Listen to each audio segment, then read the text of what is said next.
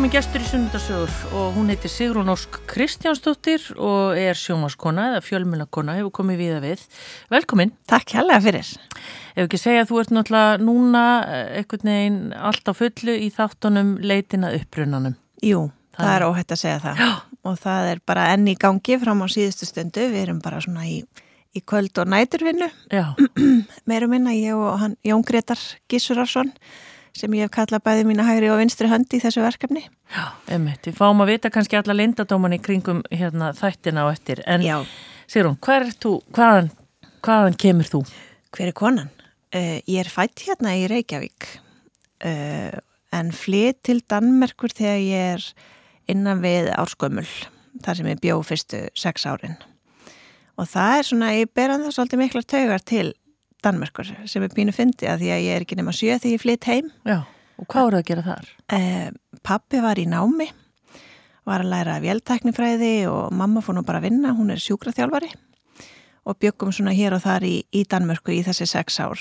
Og, og það tala um minningar? Já, já, nefnilega heilmarkar minningar og af svona algjörlega ótakmörkuðu frelsi, uh, svona í, í minningunni voru við mitt bara alltaf á hjóli, sko aldrei verið að keira neitt og alltaf gott veður náttúrulega og á ströndinni og svo byggum við svona svolítið langt út á landi e, síðustu þrjú árin eða svo. Þar sem ég egnaðist bara marga goða vini sem ég held nengi sambandi við og, og það voru einmitt sko bara hérar á vappi allstaðar og, og hérna bambar í skóginum við hliðin á húsinu og, og hérna svona mikið ævintýri og bara alveg dásamlegur uppvöxtur mm. þar Svo þú kann snakka dansk? Já, það kann ég, stæðivik Vimtist það bara og hefur haldist? Já, gerði það Ég held að það sé svona fyrir margra hlutasakir Ég flytt heiminn átti þarna svona alveg mína allra bestu vinkonu sem ég held tengslum við og fór eh, nokkrum sinnum á sumrin í mánuð, bara einn til Danmörkur og var hjá henni og fjölskyldinu hennar það held ég að hafi svona haldið þessu við og svo náttúrulega í gamla daga þá skrifaðist maður á við fólk sem ég gerði um, og lengi vel ef eitt svo sá ég eftir á þegar ég fór að læra dönsku í skólanum að, að ég skrifaði hana sko kannski ekki alveg rétt að því er þetta ungþykjum heim en tala hana eins og einfætt mm. og svo ákvaði nú endun í að kynnin þegar að ég er hvað 24-5 þá flytti ég aftur út og náðu svona að hressu upp á dönskuna Já. en það var bara stutt bara í, í halvt ár Einmitt. Hvaða ár ertu fætt? Ég er fætt árið 1980 Já, einmitt Hver er svona þín nánustu fjölskylda? Hver er fóröldrarnir? Og... Eh, mamma er af Skaganum heitir Ingi Björg og er Óskarsdóttir og er já, sjúkraþjálari þar upp á Skaga Er hún svona Skaga ætt alveg langt eftir eða? Þannig laga, sko, Amma og Afi eru bæði úr sveit, hann er úr hérna, kvalfjárasveit, úr bæ sem að heitir Kalastæðir og Amma er uh, úr Gilsfyrði, Já, já. þannig að þau eru svona sveitafólk sem að flyttir á skagan en er búið að búa þar og eiga sín fimm börn og alla þau öll upp á skaganum, þannig að ég held að þau tali í stórið fullgildir skagamenn og, og fjölskyldan öll. Þannig að já, mamma er svona bara mik mikil skagamæður og pappi er að norðan eh, frá Akureyri. Já, þannig að þú Mér líður alltaf þess að ég þurfa að vanda með að segja Akureyri. Já, Akureyri er eiginlega eina orðið sem ég segi svona með aðeins norlenskum hreima því líður eins og ég sé ekki segja það alveg rétt sko ef ég splæsi bara G í það. nei, einmitt En hérna, sískinni? Ég á einn albróður, hann er eh, tveimur og hálfu ári yngri heldur en ég og við ölumst upp saman. Svo skilja mamma og pappi þegar ég er sex ára, þarna úti í Danmörku og við flytjum svo heim nokkru síðar. Um, þau egnast svo nýja makka sent og síðar meir þannig að þegar ég er að verða 17 og þá egnast ég tvö sískinni og sikkur áttinni Mhm. eiginlega svona bara á, á hérna korteri, en með leiðin svo að væri þannig þannig að ég fór frá því að eiga eitt sískinni yfir að eiga þrjú á, á undraskömmum tíma Já, og eru þið í svona miklu sambandi eða sískina hópurinn? mm, aðeins mismiklu við erum mjög náinn ég og þessi sem að sem, ég, sem er svona næst mér í aldri svona til að gæti ég uh, tæknilega sé að verið mamma hinna þannig Já. að það er aðeins svona öðruvísi samband en, en bara gaman að fá þessa viðbótum, við ekki óavendu þau. Litlu, litlu krílin mín sem er alltaf innu komin á þrítúsaldur, Já, ummitt. sem segir kannski eitthvað um mig líka og minn aldur. Já, en hvert flyttu þið Sigrún þegar hérna, semst mamman og pappið eru skilin og þið Já. flyttið það einn, þú fylgir þá, hvernig var þetta í þá daga? Fylgdur þú mömmuðinni eða? Já, þá var það nefnilega ekkit, þá var ekkit verið að spyrja. Ég hef svona stundum vorkjent skilnaðaböndum síðan að, svona, að þurfa kannski að hafa skoðun og að velja og eitthvað og þarna bara var þetta engin, engin spurning. Við verðum eftir hjá mömmu, pappi flýtur heima eins á undan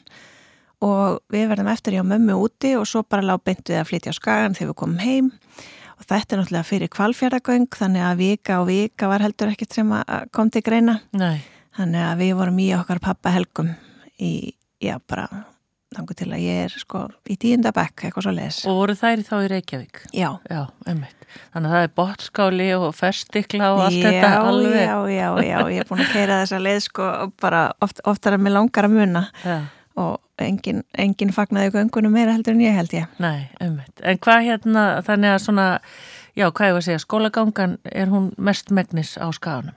Já, ég klára fyrsta bekk út í Danmörku, kem svo heim og, og byrja þar í, já það hétt fyrsti bekku þá en er annar bekkur í dag og, og klára sko grunnskólan og, og fyrir beint í, í fjölbreyt heima líka. Já. Að því það er aftur líka sko fyrir göng þannig að núna í dag er algengara að krakkar heima fari eitthvað annað í skóla, til dæmis söður, takki jafnvel bara strætó. Já, En þarna fór allir bara beint í, í fjölbreytina. já, já. og Sé ekki þarna- eftir því. Nei, nei, og svo var meira þess að hægt að fara með Akraborginni á Já. þessum tíma. Já, Aha. akkurat. Það er nú geta gert það. Tölum við hérna eins og ég, ég er nú eldur en þú sko en eins og stundum eins og maður sé svo ótrúlega gammal þegar maður þarf að rifja slíkt upp Ég veit það. Ég veit það. Það er ótrúlega margt breyst. en hvað hérna hvernig stelpa varstu? Varstu í svona mjög, mörg áhagamál eða svona hvar? Um, ég dætt svona inn í, sko eftir á hiki, ég var í fimmleikum út í Danmörku og ég hef stundum sko vorkend mér að koma sjö ára á skagan þar sem allir byrja að íþróttir þryggja eða eitthvað og, og þá var það sko fótbolti eða sund. Og hvoru tentaði mér þannig að ég einhvern veginn satt upp með að æfa aldrei nokkurt skapaðan hlut og ég er sko eina, ég er svart í söðurinn í fjölskyldinni mamma og Íslandsmeti í sprettlöpi og pappi hefur aldrei geta komið við íþróttnum að vinna eitthvað velun í henni. Og bróði minn á sko Íslands og byggamestartitla í körfu og ég á ekki neitt. En hérna En varstu Ég- svona, þú veist, hafður þú áhuga eða en hafðu þið gýða eða hvað? mér fannst ég bara og ég hef oft hugsað eftir og ég bara leita aldrei á það sem raunhafa möguleika að byrja að því að voru allir svo, bara komnir svo langt að stað að mér fannst það bara ekki einu sinni ég var bara reynlega ekki möguleika, það bara kvartla aldrei að mér. Nei, og þetta er mikill íþróttabær. Það er bæði Mikill, fótbolti já. og allt þetta og handbolti og svo hérna, nei ekki handbolti, fótbolti og körubolti eða ekki? Jú, og svo sund, já, rosa mikið? Já, Já, margar stórar greinar og sem betur fyrir úrvalið í dag sko miklu meira heldur en var þá. Og getur vel verið að maður hefði hérna emitt til dæmis haldið áfram í fimmleikum, það er í, í bóði núna. Já, en, en ég, nei, ég sem sagt fór aldrei í neinar íþróttir eða svoleiðis og ég hef nú oft gert grína, ég held ég hafi verið mjög skrítið bat sko. Ég haf með rosa skrítin áhugamál uh, ég er til dæmis alin upp af, sko mamma hefur sjálf kallað sér sko, ég veit ekki hvort að má einu sinni nota hérna um, umhverfis hérna nazista en hún hérna hún er alltaf verið, sko, ég veit ekki hvort það er uh, það að hafa búið í Danmörk eða hvað, en alltaf verið rosalega upptekinn af umhverfismálum og Mm. ég var mjög lituð af því, þannig ég til dæmis var mikið í því að hérna, byggja vini mín að koma út með mér og hérna, tína rusl og ég las Já. allar bækur sem ég komst yfir um svona náttúruvend og, og svoleiðis mál og hérna og verið að flokka bara alveg þarna Já, já, já, já. Og allt sko gjör nýtt alveg sama hvað það var og náttúrulega með talandi um hvað hlutir hafa breyst þá, þá voru hlutinni bara allt öðruvísi. Það var ekkit verið að, hérna, ég átti sömu gallabúksuna sko frá því fjórðabekk og þang til í tíunda nánast. Það var bara svona bætt inn í á milli, það eru kliftar í sundur og hérna sett svona stykki í til að síka þér.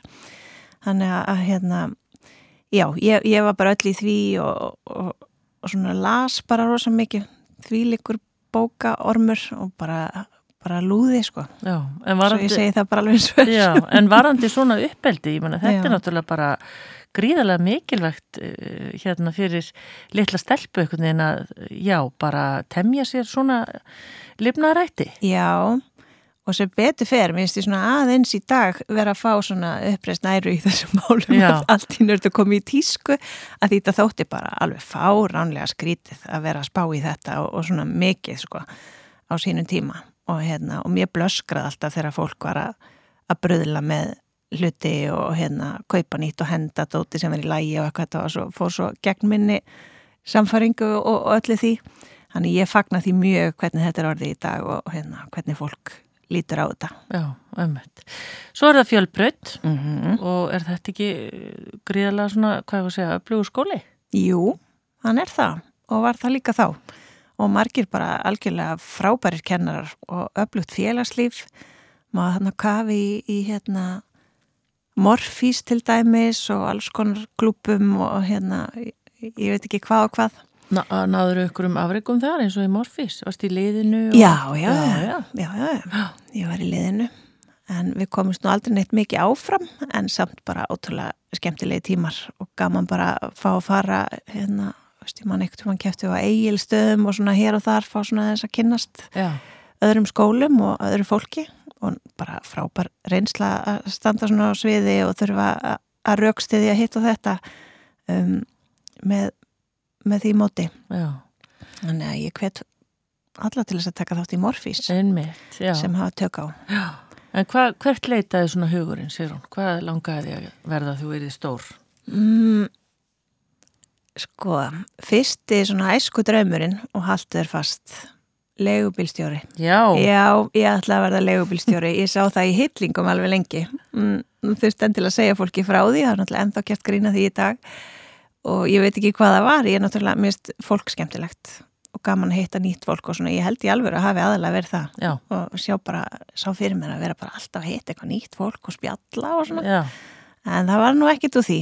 Sá, sá draumur dó fyrir fjölbreyt og eitthvað vel fyrir það. já, En um, svona eftir það, ég var alltaf, ég átti rosa erfitt með ákveða hvað mér langa verða þegar ég er stór.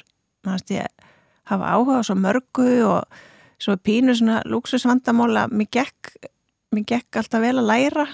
Þannig að það var ekkert svona eitt sem að ég var betri í en annað og ekkit betri í raungreinum en tungumálum eða neitt slíkt. Nei, en svona ef eitthvað var, ég reyndar hafði alltaf brennandi áhuga á tungumálum og ég held ég hafa alltaf búið að því að hafa verið tvítingt um, að því átti svo auðvelt með að bæta við. Um, og þess vegna þegar ég var í fjölbreyta mann ég að ég fór í þýsku og hérna og var feld á mætingu mm. og var alveg hundfúla því að hérna, já, það var það er mitt fyrsta og síðasta fall. Já, þannig að ég ákvað bara alveg. situr ennþá í mér og ég hugsa með mér, ég ætla ekki, ég var svo ógislega fúla ég ætla sko ekki aftur í þessa tíma og eitthvað. Þannig ég fó bara sem ópeir til Þýskalands. Já, Já, og og ætlaði svo bara í stöðupró Já, og hérna, og allt það. Og ég endaði, ég var hjá uh, manni sem var þá atvinnumæður í fótbolta og var þar endar bara í ykkur þrjá fjóra mánuði. En náði bara fínum tökum á þýskunni og kem heim og, og tók stöðuprófið. En svo fannst mér þetta náttúrulega svo gaman að ég endaði sko í þýsku fjögur og fimm og 600 í fjölbreytt þannig að þýskan er svona ágætt líka og, og svo fór ég líka og bjó í bandaríkinum menn ég var í fjölbreytt það var eitthvað svona hérna, ég hætti með kærastanum já, og Akranis er náttúrulega svo lítið og maður alltaf einhvern veginn að hitta hann á hverjum degi og maður alltaf eitthvað leðilegt og, og ég segi mömmu daginn ég alveg, mamma, er það ekki rétt muna hjá mér að sýstur hans afa búi í Flórida geti ekki bara, ekki bara sendin í bref og fá að heimsækja hana? Og svona eftir að ég alveg ég, ég skil ekkert í mömmu að hafa bara hérna samþygt það eins og það sé bara eðlilegt að hérna vilja kíkja í heimsókn í hálft ár en frængan bara samþykti það og til bandaríkjana fór ég. Ætlaði þá reyndar í skóla úti. Og, og svo uh, tók allt pappir að veða svo langan tíma og ég held ég gæti farið sko í hérna, það sem heitir college. Nema þá þarfst að vera búið með tæknilega síðan sko 12 bekka ef ég mann rétt. En ég var bara búið með 11 halvan þegar ég var búið að meta allt og svona. Þannig ég enda á að fara út til bandaríkjana og hérna var ekki með neitt þannilega að gera Þannig að, að frængan var að koma mér í sjálfbúðastörf allstaðar, en ég var sjálfbúðalið í grunnskóla og svo var ég eitthvað á spítalanum þarna og, og svo var ég mikið að fara í, í kirkju og sunnudagaskóla og svona sem var nú líka svolítið nýr heimur Mm.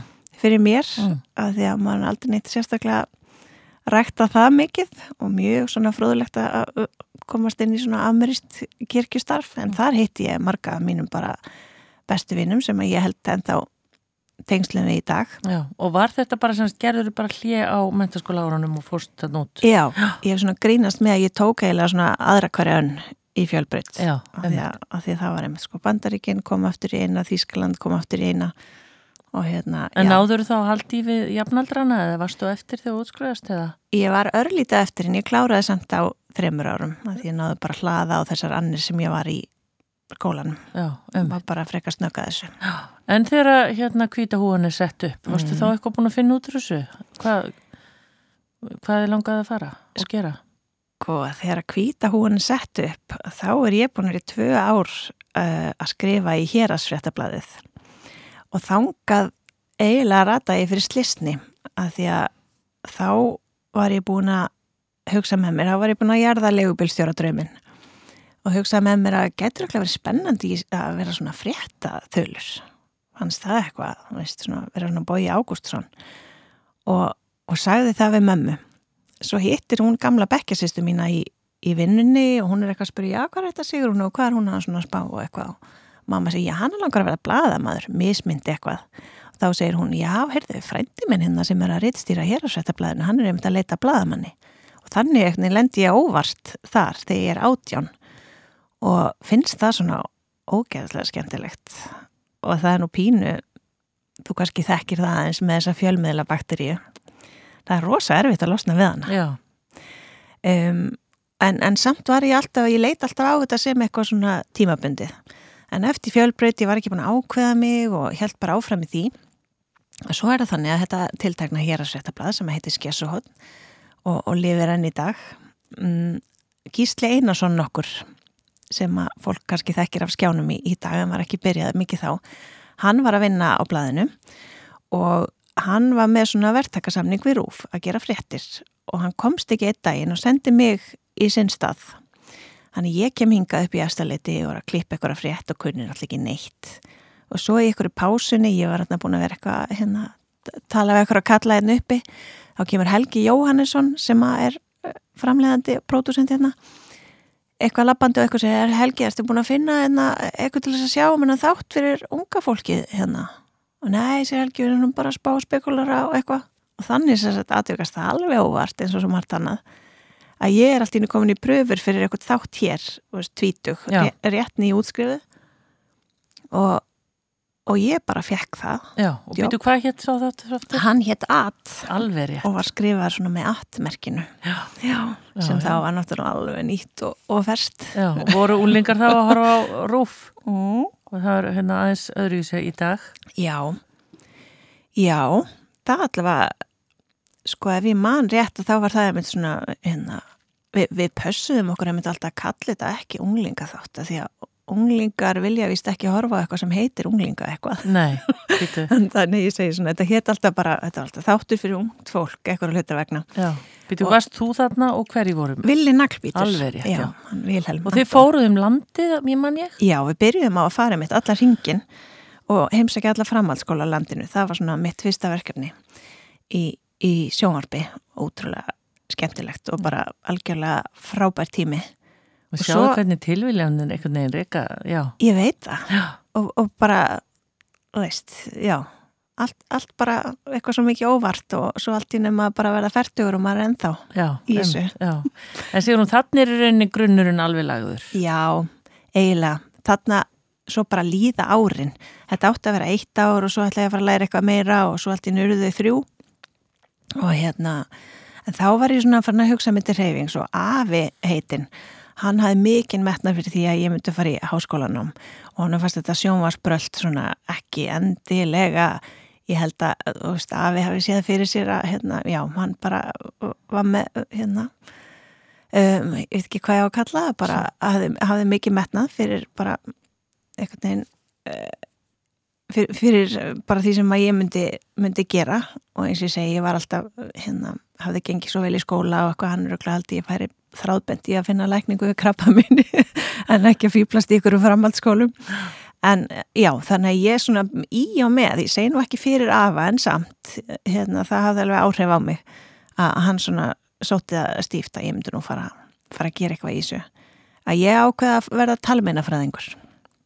Að ég sækjum í talmeinafræði í Danmörku og það er þess vegna sem ég flytt þangað út aftur. Já, já. Og þá var þannig að svarið sko, um hvort þú fær skóla, veist þið ekki, kemur svo seint að ég bara ákvað að flytja bara var frekar örug með mig og mína rengunir og hérna flyttat nút og býð svo bara spennt eftir jáinu. Já, En kom svo ekki. Nei, Nei, þeir bara vildi ekki sjá mig í þennan skóla og, og ég alveg, nú, heyrðu, æ, æ, bara flutti kaupmannahafnar og þannig ég hugsa með mér, æ, ég bara gera eitthvað gott úr þessu og, og fór hann að fór að vinna í leikskóla og náði mitt þar með að, að dusta reiki af dönskunni, það er náttúrulega besta liðin að vera í kringum börn og, og svo ákvæði ég, æ, ég er hérna, þú veist, nú var maður komið með bara íslenskuna og dönskuna og þýskuna og enskuna þannig ég alveg var alltaf langa að læra spænsku Þannig ég fyrir á netið og finna einhvern spænsku skóla í Peru sem ég leist ægilega vel á. Svo er ég bara búin að ákveða að flytja til Peru þegar ég hitti Íslandingi í einhverju partí í Kaupmannahöfn sem að var í talmennafræðinni.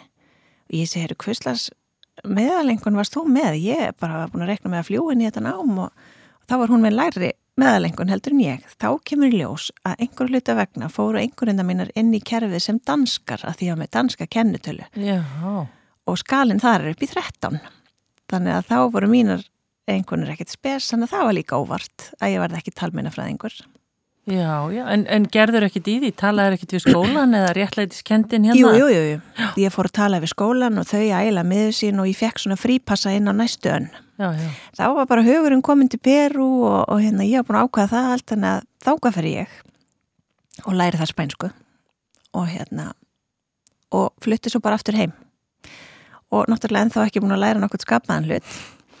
Og þá ákveði ég að hérna ég var að vinna sem svona markasfulltrúi upp á skaga það sumarið þá sé ég alltaf auglist nám í hagfræði, heimsbyggi og stjórnmálafræði upp á Bifröst. Og þetta er gráða sem er mjög vinsal í Breitlandi til dæmis fyrir fjölmjöla fólk og stjórnmálamenn að kunna svona lítið í mörgu. Já, þannig ég sækjum þar og kemst inn.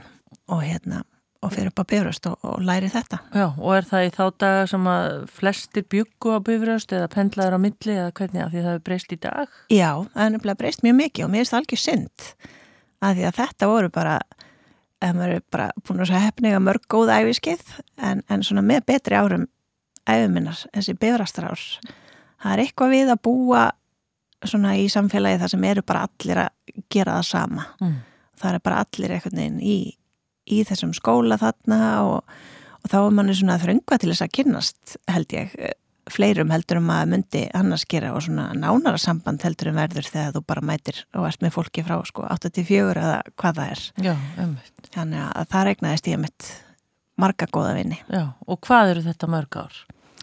Ég var líka bara frekar í ákvaða að vera í skólanum á sumrin líka þannig að ég var nú bara í tvö ára að klára þetta en tók reynda pásu og, og flutti við fórum tvær vinkonunnar í skiptinám til Indlands í einu önn þannig að annirnar hérna heima já ég var svona tvö og hálft ár Mm. Þannig að segur hún ferðarlegið því núna í tengslu við nýja þáttiðinn og er nánast bara komið á alla þessa staði hérna með að við. já, já sko ég hef alltaf verið með mjög mikla ferðabakteri og ég veit ekki, þessum stundum hugsa bara hvaðan það kemur og ég fer að ókyrrast ef ég er of lengi á sama stað og það er algjört með til dæmis ég sé búin að vera í vinnunni núna á, á stöð 2 í, í 10 10-11 ár. Og ég held að sé bara að því ég fengi að gera svo fjálbreytta hluti og fengi að vera svona út um allt.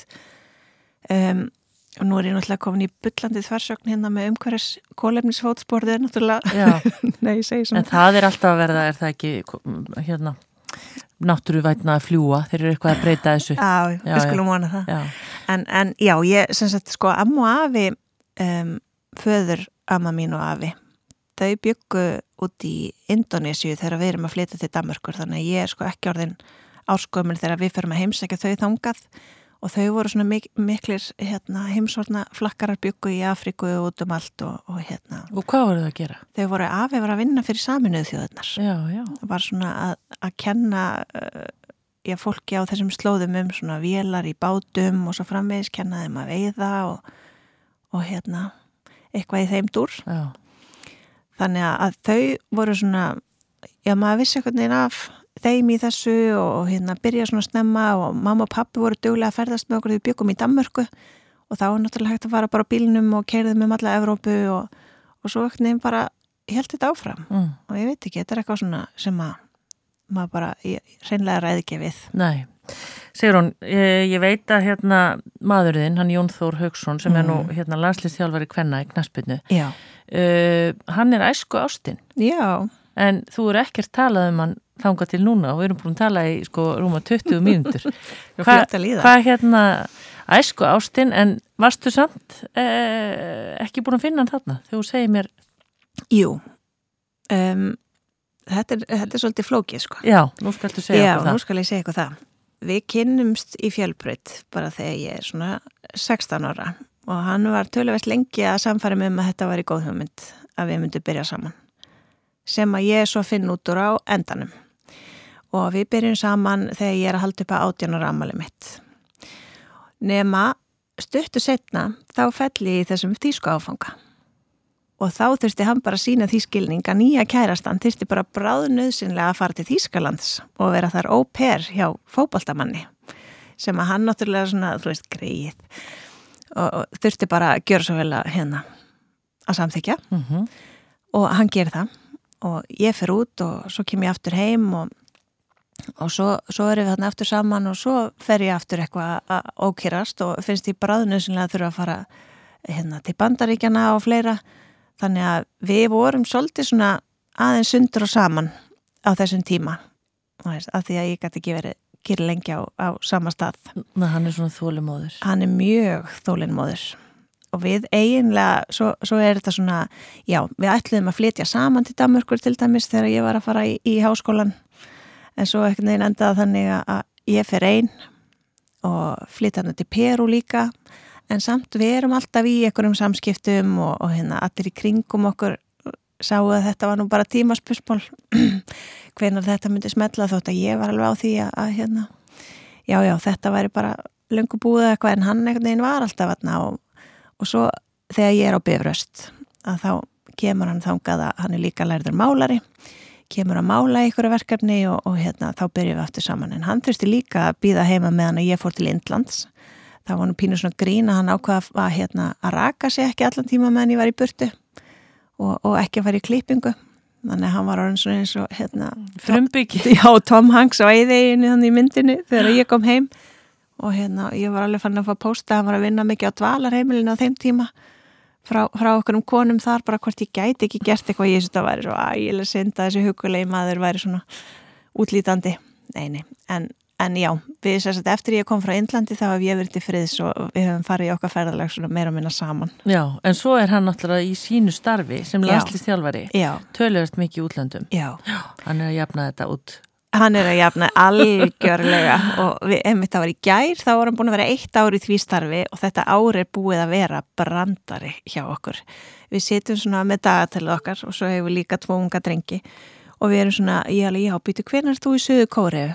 Og hann er alveg, já það er hérna. Og ég alveg, já ég þannig að tróða hérna inn, ég þarf aftur Guatemala byrju Albania, já það er hérna.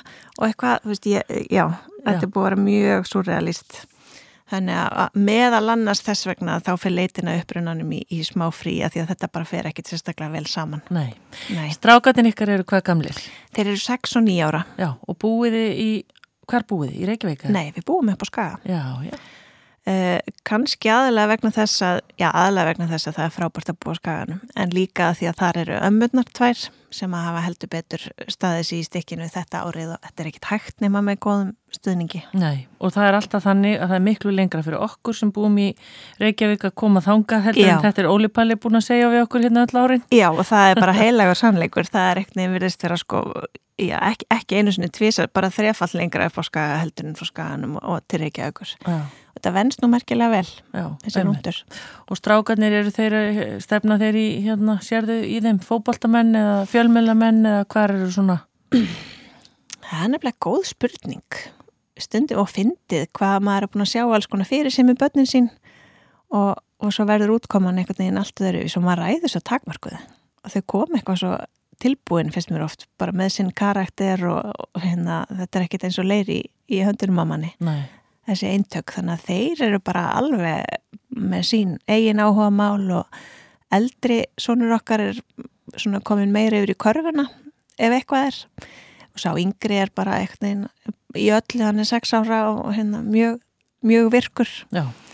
En, en hérna báðu náttúrulega bara eindisleir og ég er mjög fegin að pappið er ekki af þeirri gerðina það sín neyn pressa og það hérna fara í fókbóltan endilega. Hann er ekki fóreldri svona á hlýðalínunni Nei, einmitt. Eh, Tökum östu hlýja núna. Sigrun Ós Kristjánsdóttir eh, sjómaskona er gestur minn í sundasögum. Við ætlum að heyra eh, eftir hlýðið hérna af eh, þáttónmennar, leitina upprunanum og fá svona að heyra eins fórsöguna og hvernig þessi vinna hefur gengið. Þú ert að hlusta á sunnudagsögur á Rástfö Sigrun Ósk Kristjánsdóttir uh, sjómanskona er gestur minn og við svona fórum á hundavaði svolítið yfir, yfir líf þitt og starf. Aðeins að spyrja þig áður um við förum í þættina eina Peru, hvernig mm. þú því þú bara valdir að fara allt í nú þanga til þess að læra spænsku. Margar hefur bara farið til hérna Costa Brava eða eitthvað? Já, nei, mér langaði þetta Söður Ameríku eitthvað við hana sem að heitlaði eða Mið-Ameríku, ég skoðaði líka Mexiko og, og fleiri staði. En ég held ég hafi valið Peru að því ég vissi minnst um það. Já og svo svona þetta var svona hálgerðsamt ég bara leið mjög skammur tími frá því ég datt niður á hann skóla á netinu í stofinu mín í Kaupmannahöfn og þá gæti ég var lent sko í Líma. Og ég bjóði í borg sem heiti Cusco og er í um 3600 metra hæði við sjáfamáli er sko gamla höfuborg Ingana byggingarnar aðna eru sko brjáleðslega flottar og ég bara reynlega elskaði að vera þarna. Mm. og ég ákast strax að ég veri komin til þess að læra spænsku. Fjölskylda sem ég bjó hjá talaði eh, enga ensku þannig að það var ágætt. Og svo var ég bara rosalega upptikinn að því að vera bara að tala við innfæta og hérna, bara gera þetta almennilega. Þannig að þetta var bara ótrúlega reynsla og Peru er algjörlega magnað land. Já. og ég hugsaði stundum þar að því að nú er það ekki svona mikið ferðamanna land sem er eitthvað frækt fyrir eitthvað náttúr eða svo leiðis en það sem er hægt að sjá þarna og þá hugsa maður um um sko hvað er hvað þessu stór hluti er svona að markaðsittja hlutina rétt Já. og án þess að ég vilji bara, ég myndi aldrei tala íslenska náttúrun niður, hún er algjörlega stórkostleg en náttúrun í Peru er bara á pari Já. og hérna ég fór til dæmis í viku inn í Amazon rekskóin þann hluta sem að tilherir Peru og það er bara mögnuð reynsla Já. það var bara algjörlega geggjað og svo ganga náttúrulega upp að Machu Picchu sem er kannski svona þeirra frægasta. Um, ég fór hérna í, í fjögur að daga fjallgöngu til þess að komast þangað upp og eitthvað inn að sitja og við sólar uppbrás snemma á mótni og horfa á Machu Picchu í, í hérna sólar uppbrásinni að það er bara eitthvað sem maður glemir ekki. Nei, ég sé bara augun á þér alveg bara þú fyrir að dreymina staði einhvern veginn í þetta Sigur hún, leitinað upprunanum. Hvað Já. hérna þriðja seria núna er það ekki í gangi? Jú. Já. Hver, hver á þessa hugmynd? Þetta er svona eitt af þessu óvart um, sem, að, sem að gerist bara. Ég er svona stundum hugsað um alveg svona hver, hver, hvert skrifast þetta mest á að ég endaði í þessu. En það var þannig fyrir já, fjórum árum síðan að þá bara sé ég að það er búið að taka mig í færslu á Facebook hjá konu sem að ég þekki ekki. Þegar ég fer að kíkja á það, að þá er það Kolbrún Sara Larsen, jafnaldra mín, sem er ætlet frá Tyrklandi, sem er að segja frá því að hann er langi að fara í svona upprunaleit og sé svona spá í hvort það sé ekkur fjölmjölamæður eða kona sem hefði áhuga að fylgjini eftir í því. Og samiðileg vinkon okkar á Facebook, hún takkar mig og segir, Sigrun, þetta er ekki eitthvað svona fyrir því að skoða og það var svo fyndið út af því að þá hugsaði með mér alveg hvað? Voru þetta skrýta því þá var svona sama hugmyndin að koma til mín úr nokkrum áttum. Að því að einn besta vinkonum mín á sýstur sem að bjó í Danmörku og hún let koma þeim skilabóðum áleiðist til mín að ég þyrti bara hreinlega að gera svona þætti eins og, eins og spólus eru þar Já. sem er svona sama grunn hugmyndin. Og þá var ég búin að kíkja á nokkra þætti af því þannig ég þekkti þetta konsept mm. þaðan. Og svo gaf ég út bók sem að var svona sem að hétt Gleðigjafar með að rítstýrði henni með vinkonum minni Telmi Þorbergsdóttur uh, sem voru svona reynslusugur fóreldra sem að eignast fölliða langveik börn. Og í útgáfuhófinu að þá kemur til mín kona sem segir sér hún hefur hugsað eitthvað um að fjallegt um hann eitthvað um ætlita það er bara svo margt í því og svona hvernig þau sjá heiminn og hvernig þau upplifa eitthvað. Þannig að þetta var hugmynd sem var að koma timmin í þriðja skipti á frekar skömmum tíma úr sikkvori áttinni og ég hugsaði bara, þetta eitthvað undarleg tilvilin. Þannig ég er svona ákveð að fara að senda Kolbrún eitthvað post og svona aðeins fara að spurja betur út í þetta og, og svona og svo kemur það því að ég var að klára eitthvað verkefni í sjónvarpinu og ég er á fundi með sjónvarstjórunum og ég nefni þetta að það sé þarna þessi stelpa og hérna hún sé að spá í hvort ég geti fylgtin eftir. Og hún var nú ekki samþýtt alveg strax þessi hugmynd en, en þá, þar með að búið að planta fræin hann að ekkur setna þá er annar fundur og, og þá segir hún svona já, heyrðu, hvernig var með þarna þáttaröðina sem að og sem áttur náttúrulega aldrei að vera þáttaröð heldur sá ég bara fyrir mér að, að mögulega sinna þessu eina máli. Og einhvern veginn endar það þannig að ég lappa út af þessum fundi er búin að lofa þáttaröð upp í ermin á mér um, um fólk sem er að leita uppruna síns. Já, og þú ert komin með allavega með eina sem er kannski tilbúin að segja mm -hmm. sögur sína en, en hvernig finnum maður svo hina? Því maður hugsaður þetta eru svo persónlega sögur. Mm -hmm. og það eru auðvitað ekki allir tilbúinir en mjög margir. Já. og hvað, hver, hvernig vannstu því gegnum það? Ég ákvað að eh, bæði svona þreifaði hans fyrir mér.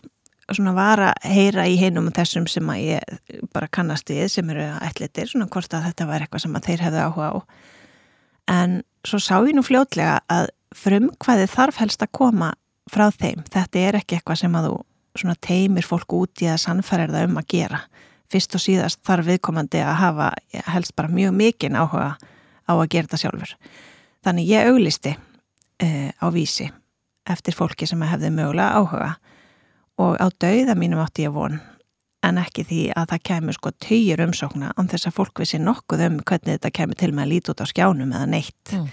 Ég skil betur að fólk sé tilbúið í þetta núna þegar búið að sjá svona hvernig þetta getur komið út og eitthvað en mér finnst þetta alveg bara ótrúlegt hugur ekki að, að vera bara til í að hérna, hendin umsókn og slá til að því eins og segir þetta er sko eins personlegt og það verður held já, ég bara. Já. Og var þetta fólk á öllum aldri og að því að hérna ætliðing og svona þetta hefur breyst í tímanar ás Mjög mikið, mjög mikið. Og aldrin er mest svona fólk eh, svona, sem er komið yfir þrítugt. Og ég held að hafi með badnegnur að gera. Ég held að þegar þú eignast börn sjálfur að þá breytist sjónarhóttnið á svo margt. Og þá fer það að sjá það í algjörlega nýju ljósi að, að einhver hafi þurft að, að gefa þig frá sér. Já En, en kannski svona gegnum gangandi að þá, allavega það sem ég er búin að sjá, að þá er þetta allt svona, hvað ég voru að segja, frekar langt í burtistan, lönd ekkur mm -hmm. og svona, og svolítið flókið, af því Já. það hefði kannski verið auðvelt fyrir þig að finna svona aðeins auðveltari mál, eða hvað? Já, en ég hef nú reyndar oft gert grína í síðan að þetta verðist bara verða flóknara eftir því sem að við erum nær okkur landfræðilega Já. út af persónuvendarlögum og það er alveg passað upp á það að þú getur ekki nálgast hvaða upplýsingar sem er um hvert sem er uh, höfum leitað til dæmis í Breitlandi og Spáni núna og það var bara eins og ég veit ekki hvað mm. ef að fólk er ekki að samfélagsmiðlum að þá ertu bara eiginlega, já þá er þetta bara mjög flókið um, þannig að um eitt, maður hefði kannski haldið fyrirfram að það væri erfiðar að finna eitthvað sko á sér í langa eða eða í Suður Ameríku en það hefur ekki endilega verið þannig en ég á ennþá eftir að finna það land þar sem er hægt að fara inn á jábúndur í segi þjóðskrána í heimabankanum og finna eitthvað eins og er hér. Ég held treinlega að, að Ísland sé bara undantekning hvað það var þar.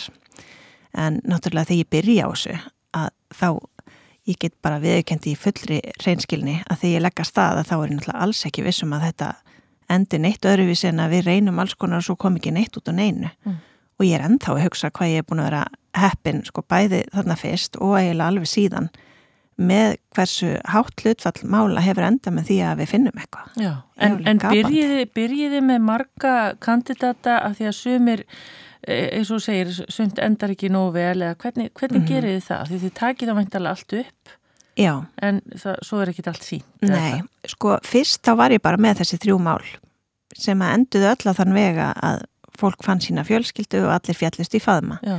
og það er fyrsta þáttaröðin það er fyrsta þáttaröðin það er svona Tyrkland. Já. og það er tvö mála á Sri Lanka. Já, rétt, og þrjár þá eru það þrjár konur e, í þeirri þáttaröð og þá fekk ég posta frá ætlitum sem að heldu að ég hefði farið eitthvað að Disney leið í þessu.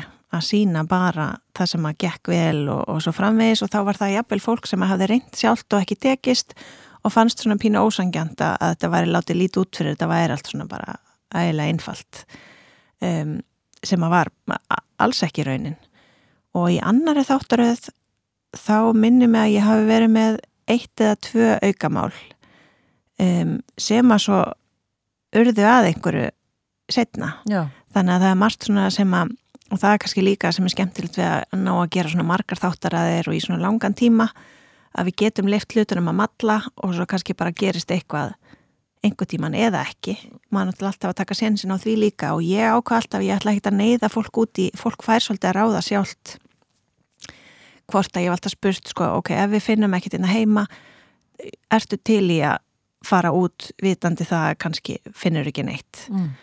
eða að fá höfnun frá fjölskyldinu með myndavelar viðstattar og þetta er náttúrulega bara stór mál. Já, ummitt mm, Þannig að við erum ekki að, að neyða eitthvað nýjum svona óvissuferðir en það er hafa samt orðið fleiri heldur en heldur en það er átt að vera því að það er svo stressandi. Já, ummitt, ég trúi því. Já, Já. Og, og bara uh, hérna, ég hugsaði mitt núna fyrir þess að þriði þáttaröð ég bara, nú ætla ég ekki að fara í neitt svona óvissu, bara ef ef það, ef það gengur ekki hérna heima, að þá bara, ég bara reynilega að, að fara og banka eitthvað starf alveg með hjarta í buksunum, svo er ég alltaf svo hrættum að klúðra fyrir hönd annara.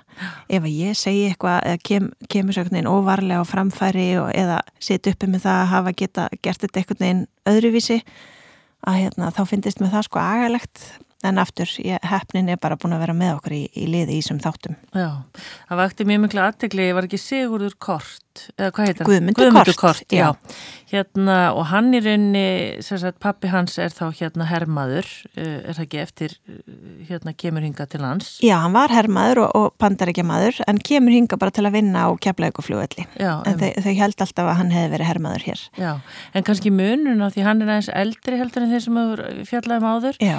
að þar er rosa leint einhvern veginn, mm. honum er ekki sagt neitt Emmett. og þá eru þau mál ekki erfiðari einhvern veginn? Jú, og ég náttúrulega, þetta er svona mál sem ég hefði haldið, ég hef fengið mjög margar umsóknir frá fólki sem að bókstala veit ekki neitt, eða bara samú ekki neitt og þá hef ég alltaf hugsað hvernig, það er ekki takt að Nei. gera með það, veist, ég, ekki, ég er ekki með kikningáðu og hérna, bara, bara hreinlega sá enga, enga færa leiði því þannig að þegar að uh, sá sem að heitir Davíð Kristjánsson og var þarna í þeim þætti. Það er bara maður sem að býra á selfossi hefur mikið náha á ættfræði kynnist Guðmundi í útlöndum. Þeir fara á, bara... á svindlega bakka á spáni.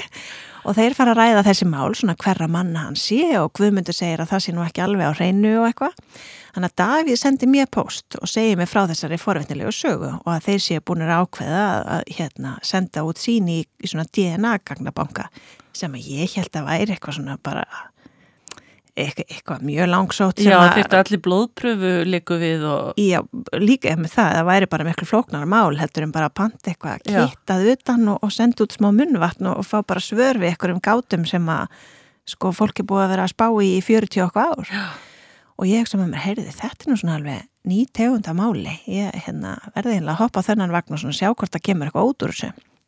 Og þá hugsa maður bara, þú veist, eitt tökudagur og þótt að það endi í, í í rauslina þá nú ekki stór skaði skeður nema svo bara kemur eitthvað út úr þessu og meðan það er mitt frábært að fá það á skjáin að því að það er svo margir þá sem að, sem að vita núna að þetta er raunverulega hægt mm. og bara í gær sko fekk ég tvo pósta um fólk sem er komið á sporið eftir að hafa gert þetta eftir að hafa séð þáttinn og bara í gær Já. Þannig að það er náttúrulega mjög mikilvægt að fólk viti það að það fari að rati ekki öll mál í sjónvarpinu þó að það sé það eru margir sem að bara fara af stað eftir að hafa horta á þetta. Nefnilega og, og ég hef líka sagt stundum sko fæ ég svona næstu í samvinskopiti við hvað það hrærir upp í mörgum og hérna ítir mörgum af staði því að maður veit aldrei hvernig útkoman verður í fólki og, og meiri segja sko það má alveg koma fram að þótt að útkoman sé góð og það séu fagnar að fundir eitthvað starf í útlöndum að þá, svo ég vitni viðmælanda minn að þá flækir það líka lífið. Þá ertu komið með tvær fjölskyldir sem þú þarfst að sinna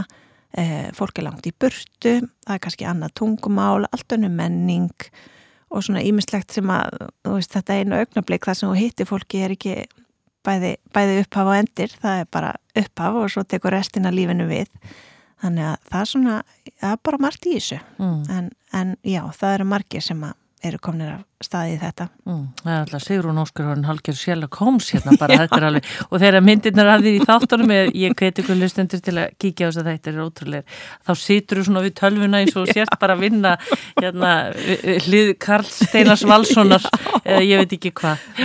Upplifir þetta ekki þannig? Jú, jú, algjörlega, við gerum nú grín sjálfa þessum myndskeiðum ég á klipparna sem ég er að- að rannsaka. En svona er þetta nú samt. Já, að ég sitt bara við tölvuna dagana langa að reyna að leita eitthvað að leiða og svo náttúrulega finnst manni óþólandi ef að maður kemst ekkit áfram og hérna að því maður veit að ég meina einhverstaðar er þetta fólk Já, einmitt. Og- Kanski aðeins að áðurum við tölum eh, meir um það. Mm. í síðasta þætti þá var, hvað hva heitir hún sem var í Guðrún Andrea Guðrún Andrea? Já, Sá þáttur, já, ég ætla ekki að segja hann, hafi, hann en- endaði bæði vel og illa. emmitt Hvernig, hérna, hvernig er það og hvernig eru viðbröðin þá?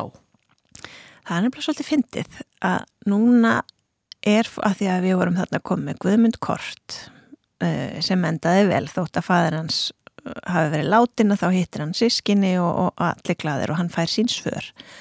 Svo er það Þórun Kristín sem að fyrir Kólimbi og finnur þarna bara alveg indislega fjölskyldu, því líka hamingja og allir bara dansa fram á nótt. Og svo kemur Guðrún Andrea sem er búin að leita föðu sínum í allavega tíu ár frá spánu sem hún hefur aldrei hitt. Og við finnum hann og það kemur í ljós að hann er eh, heroinfíkill og situr í fangelsi á spáni. Þannig að hún tekur ákvörðun um að hann langi ekki að, hérna, og bara fylgir hinnlega ráðleggingum fjölskyldumæðlima úti að, að, reyna ekkit að, að hitta hann eða stopna til sambands við hann en fær að hitta frængu sína. Hún sem sagt og, og fæðurinnar voru sískinaböld og fær þar sín svör við þessum spurningu sem hafa leitað á hana og, og viðbröðin eftir þann þáttu sko, fólk er orðið svona vant í verðist vera að fá sinn endi þar sem, að, þar sem allir fallast í faðma og fólk náttúrulega vill sitt í sófanum og, og gráta gleðitárum. Og ég skil það mjög vel og þetta myndi ég helst vilja ef ég réð einhverju að allt endaði svo leiðis og, og allir glaðir.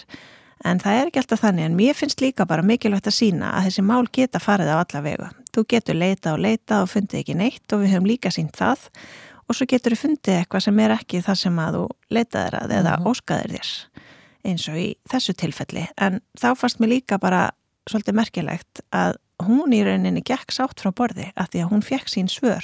Og hún hugsaði nú get ég bara hætt að hugsa um bara hvað ef og hvernig var lífið ef ég þekkt hann og hvernig er þetta og hvernig er hitt. Og það líka hefur verið svona rauðu þráður í gegnum þess að þætti að mjög margir hugsa um svona sjúkdóma í fjölskyldunni sem er eitthvað sem maður spáir ekkert í að því að maður bara veit þetta.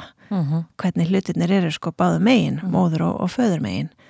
En þegar að það vantar að þá kannski er óþægilegt að vita það ekki. Já, þannig að bara það uh, fá að sjá myndir af fólkinu sínu fá að sjá svona, fá að spekla sig í því að það er bara mikil sverði já, einmitt.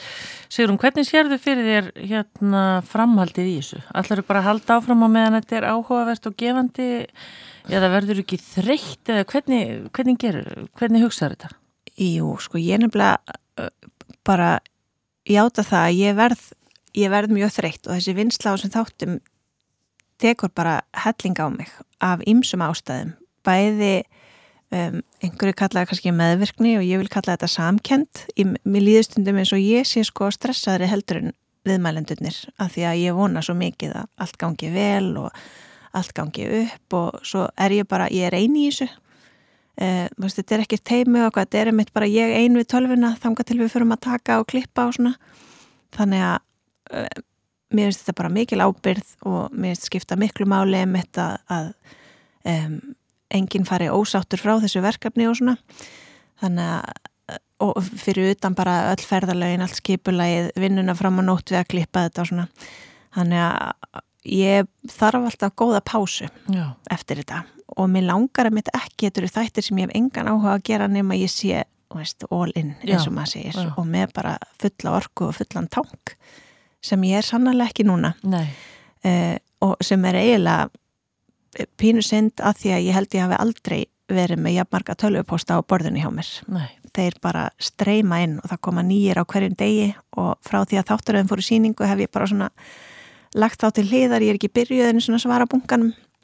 Uh, reyni, reyni að gera það einhver tíman þannig að efni viðurinn er sannlega til stað en hann þarf aðeins að býða Já, en Og- hvað eru, mörg, hvað eru margir eftir núna í þessari serju? það er bara nefnilega einn, Það er eitt þáttu já, eftir. það er sérst eitt mál Já, sem er í tveimur þáttum. Já, og það er hann Sigurður Dónis á Vopnafyrði já, já, já, og hann sagði það svolítið öðruvísi af því að hann er orðin alveg fimm ára þegar hann kemur yngað já, ömmit En er, þú veist, bara svo við gerum okkur grein fyrir því að þetta eru bara, hvað er þetta margir mánuður sem að bara svona meðal mál tekur? Þetta eru bara, Já, sko, ég byrja náttúrulega oftast á þessu svona meðfram einhverju öðru af því að þetta tekur líka svo mikið tíma og er svona þungt í vöfum oft úti um, og stundum eitthvað skriffinskarinn að fá okkur gögn og byð og svo framvegis þannig ég til dæmis, ég er búin að vera að vinna í þessari þátturði í tvö ár en meir og minna síðan um áramót Mhm. núna já, þannig að það er orðin, þetta er orðin meðganga já, nýju mánuðir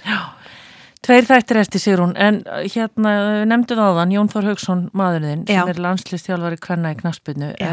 Hva, hvenar eigið þið tíma saman og hvað gerir þið þá? Við eigum svona oft, oft kvöldin saman þegar við erum bæða á landinu og hérna og við reynum, við reynum og ég held að sé einmitt mjög mikilvægt náttúrulega ekki bara í okkar hjónabandi heldur öllum að passa maður í tíma saman. Og við vorum einmitt við erum með mjög metnaðafullt markmið núna ætlum að reyna að fara í göngutúr á kvöldin. Já, ég við skulum sjá hvernig það gengur svona eins og, minnst það pínu svona eins og eins og ég sé of ung til að fara svona í ykkurum samstæðum göllum út að lappa kvöldin en hérna, ég sá það fyrir mér sem einhverja samveru sem að geti verið svona bæði einhver reyfing og ná aðeins að tala saman og svona því að vantar aðeins upp á það stundum. Já, en ykkur vantar ekki að fara til útlanda saman eða hvað, vil ég kannski bara fara saman eitthvað? Nei, svona bara svo fyndi, ég er komið með sko, fæ nóga því á virkundögum að keira til Reykjavíkur. Við erum bæði komið með algjörst ógeða flugvöllum þannig að það er ekki málið þannig að fyrir okkur er bara fullkomið frí að sko sita í stofinu heima hjá okkur. Það er bara okkur langar ekki að vera neinstar annar staðar heldur en, heldur en þar þannig að það er svona það sem að við gerum í okkar uh, æsi spennandi frítíma Já. hljómar ræðilega en hérna, nei, nei við, og svo náttúrulega bara finnst mann eiginlega skemmtilegast við og svo marga frábæra vini já. hitta þá og borða góða mat og þetta helsta sko. Já, einmitt. Uh, ertu búin að sjá fyrir þér að, ég menna, að þú ætlar að fara í bunkan einhvern tíma þegar krafturinn kemur, þú gera það væntalega ekki fyrir þessi seria er búin Nei, og uh, bara ætlar að láta, hvað ég var að segja, ljósi lýsa þér, hvað ætlar að hérna halda áfram lengi með þetta? já, ég, ég er nú strax byrjuð að gera grína því og fyrst ég var að líki sem meðgöngu áðan að þá er þetta bara nákvæmlega eins og þegar maður eignast bat, maður liggur á fæðingatildinu og hugsa bara þetta ætla ég aldrei að gera aftur. Svo líða nokkra vikur og þá maður farin að horfa allt öðruvísi á það. Og núna er ég strax farin að sko hérna hugsa með mér, heyrðu þetta væri nú spennandi, já, væri nú ekki gaman að kíkja þetta og eitthvað, svo er ég að reyna svona, nei, ekki, nú pása, nú pása, en jú, jú, ég hugsa hérna, ég hugsa að fjórða þáttaröðin komi einhver tíman, sem það verður. einmitt það. Sigrún Ósk Kristjánsdóttir sjónvarskona, takk kærlega fyrir komuna í sunnudasögur og gangið er vel með leitina upprönnunum og hérna við, það kemur bara í ljós hvað við sjáum í framtíðina. Það er allavega tveir þættir eftir núna Já. í þessari serju. Mælum við þeim, hlutlust mat. Já, Og takk fyrir mig, gaman að fá að koma. takk fyrir. Til klukkan þrjú í dag. Sögur og hún heitir Laufey Steindórsdóttir og er hjúkunarfræðingur en starfa núna sem jóka og hugleðslu kennari. Velkomin. Já, takk kærlega fyrir og Eh, mikill heiður að fá að koma enga í viðtal, takk. Já, það er bara hérna gaman að sjá þig. Hvernig er nú annars svona sunnudagarnir hjá þér? Ertu, ertu hérna döglega að slappa af á sunnudugum? Já, eiginlega, ég bara er með börnunum mínum og tekir rólega heima. Ég Já. var einmitt að uh, flytja, þannig að það er næg verkefni Já, eins og er. einhverju kassar og opnaðir Já, og gólfum já, og... já. Á, já, það er næg verkefnin og við tökum bara eitt að einu og, og gerum okkar besta á hverjum degi. Já, það góða við að flytja er að maður tekur aðeins til í dóturinn sínu. Heldur minnkar betur. það. Heldur betur. Ha, Þetta er búið að vera mjög lærdómsríkt að Já. sjá allt drasli sem er búið að fylgja manni og maður getur bara sleppt tökum á. já, einmitt. Löfi, ég hérna, áður um komst þá var ég að googla hérna og ég man að það var einsla í landanum, var það bara ekki núni í vetur? Jú. Þar sem að hún etta sif heimsótt ykkur á spítalan, þar sem að þú og svo sem er með þér. Rebecca Rós Þorsteinsdóttir. Einmitt. Yeah. Fáið bara starfsfólk hérna spítalans, bara leggur frá sér störfin í smá stund og leggst bara á dínu og hvað setið þið svona yfir augun? Svona augnpúða. Já augleppa, svona augnkvílur kannski getur við kalla. Já, og er þetta þá, er þetta hugleðslu stund eða hvað kallar þetta? Já, mikið rétt. Já. Þetta er sem sagt eh, svo kallar kyrðarjóka. Þetta er konsept sem við Rebecca eh, kom með inn á spítalan. Eh, hugmyndafræðin er svo að við vildum bara eh, hlúa að fólki, starfsfólkinu, öllu starfsfólki, eh, á vinnutíma, á vinnustanum.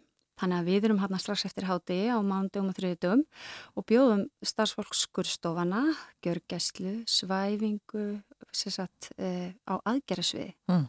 og það fær að koma til okkar í svona kyrðarstund sem kallast kyrðarjóka og þar leggjum við áslu á e, högulegslu og djúpslökun. Það er fyrst og fremst það sem að skipti máli fyrir fólk sem er á fullri ferð mm. í starfi sínu og það fær bara svona eins og bara e, streytulust rými bara lappar hann inn, leggst á dínu og fær 35 minútur og við leiðum huglauslu, djúpslökun og látum fólk gera öndunæfingar og síðan er það gong tónheilun eða hörp tónheilun. Já, sem við ætlum að fá að heyra á eftir þess að þú ah, tókst með þér hörpu. Akkurat. En hérna, og stendur síðan fólki bara upp eftir 35 minútur og heldur áfram í vinnunni og þá Já. bara einhvern veginn ertu búin að...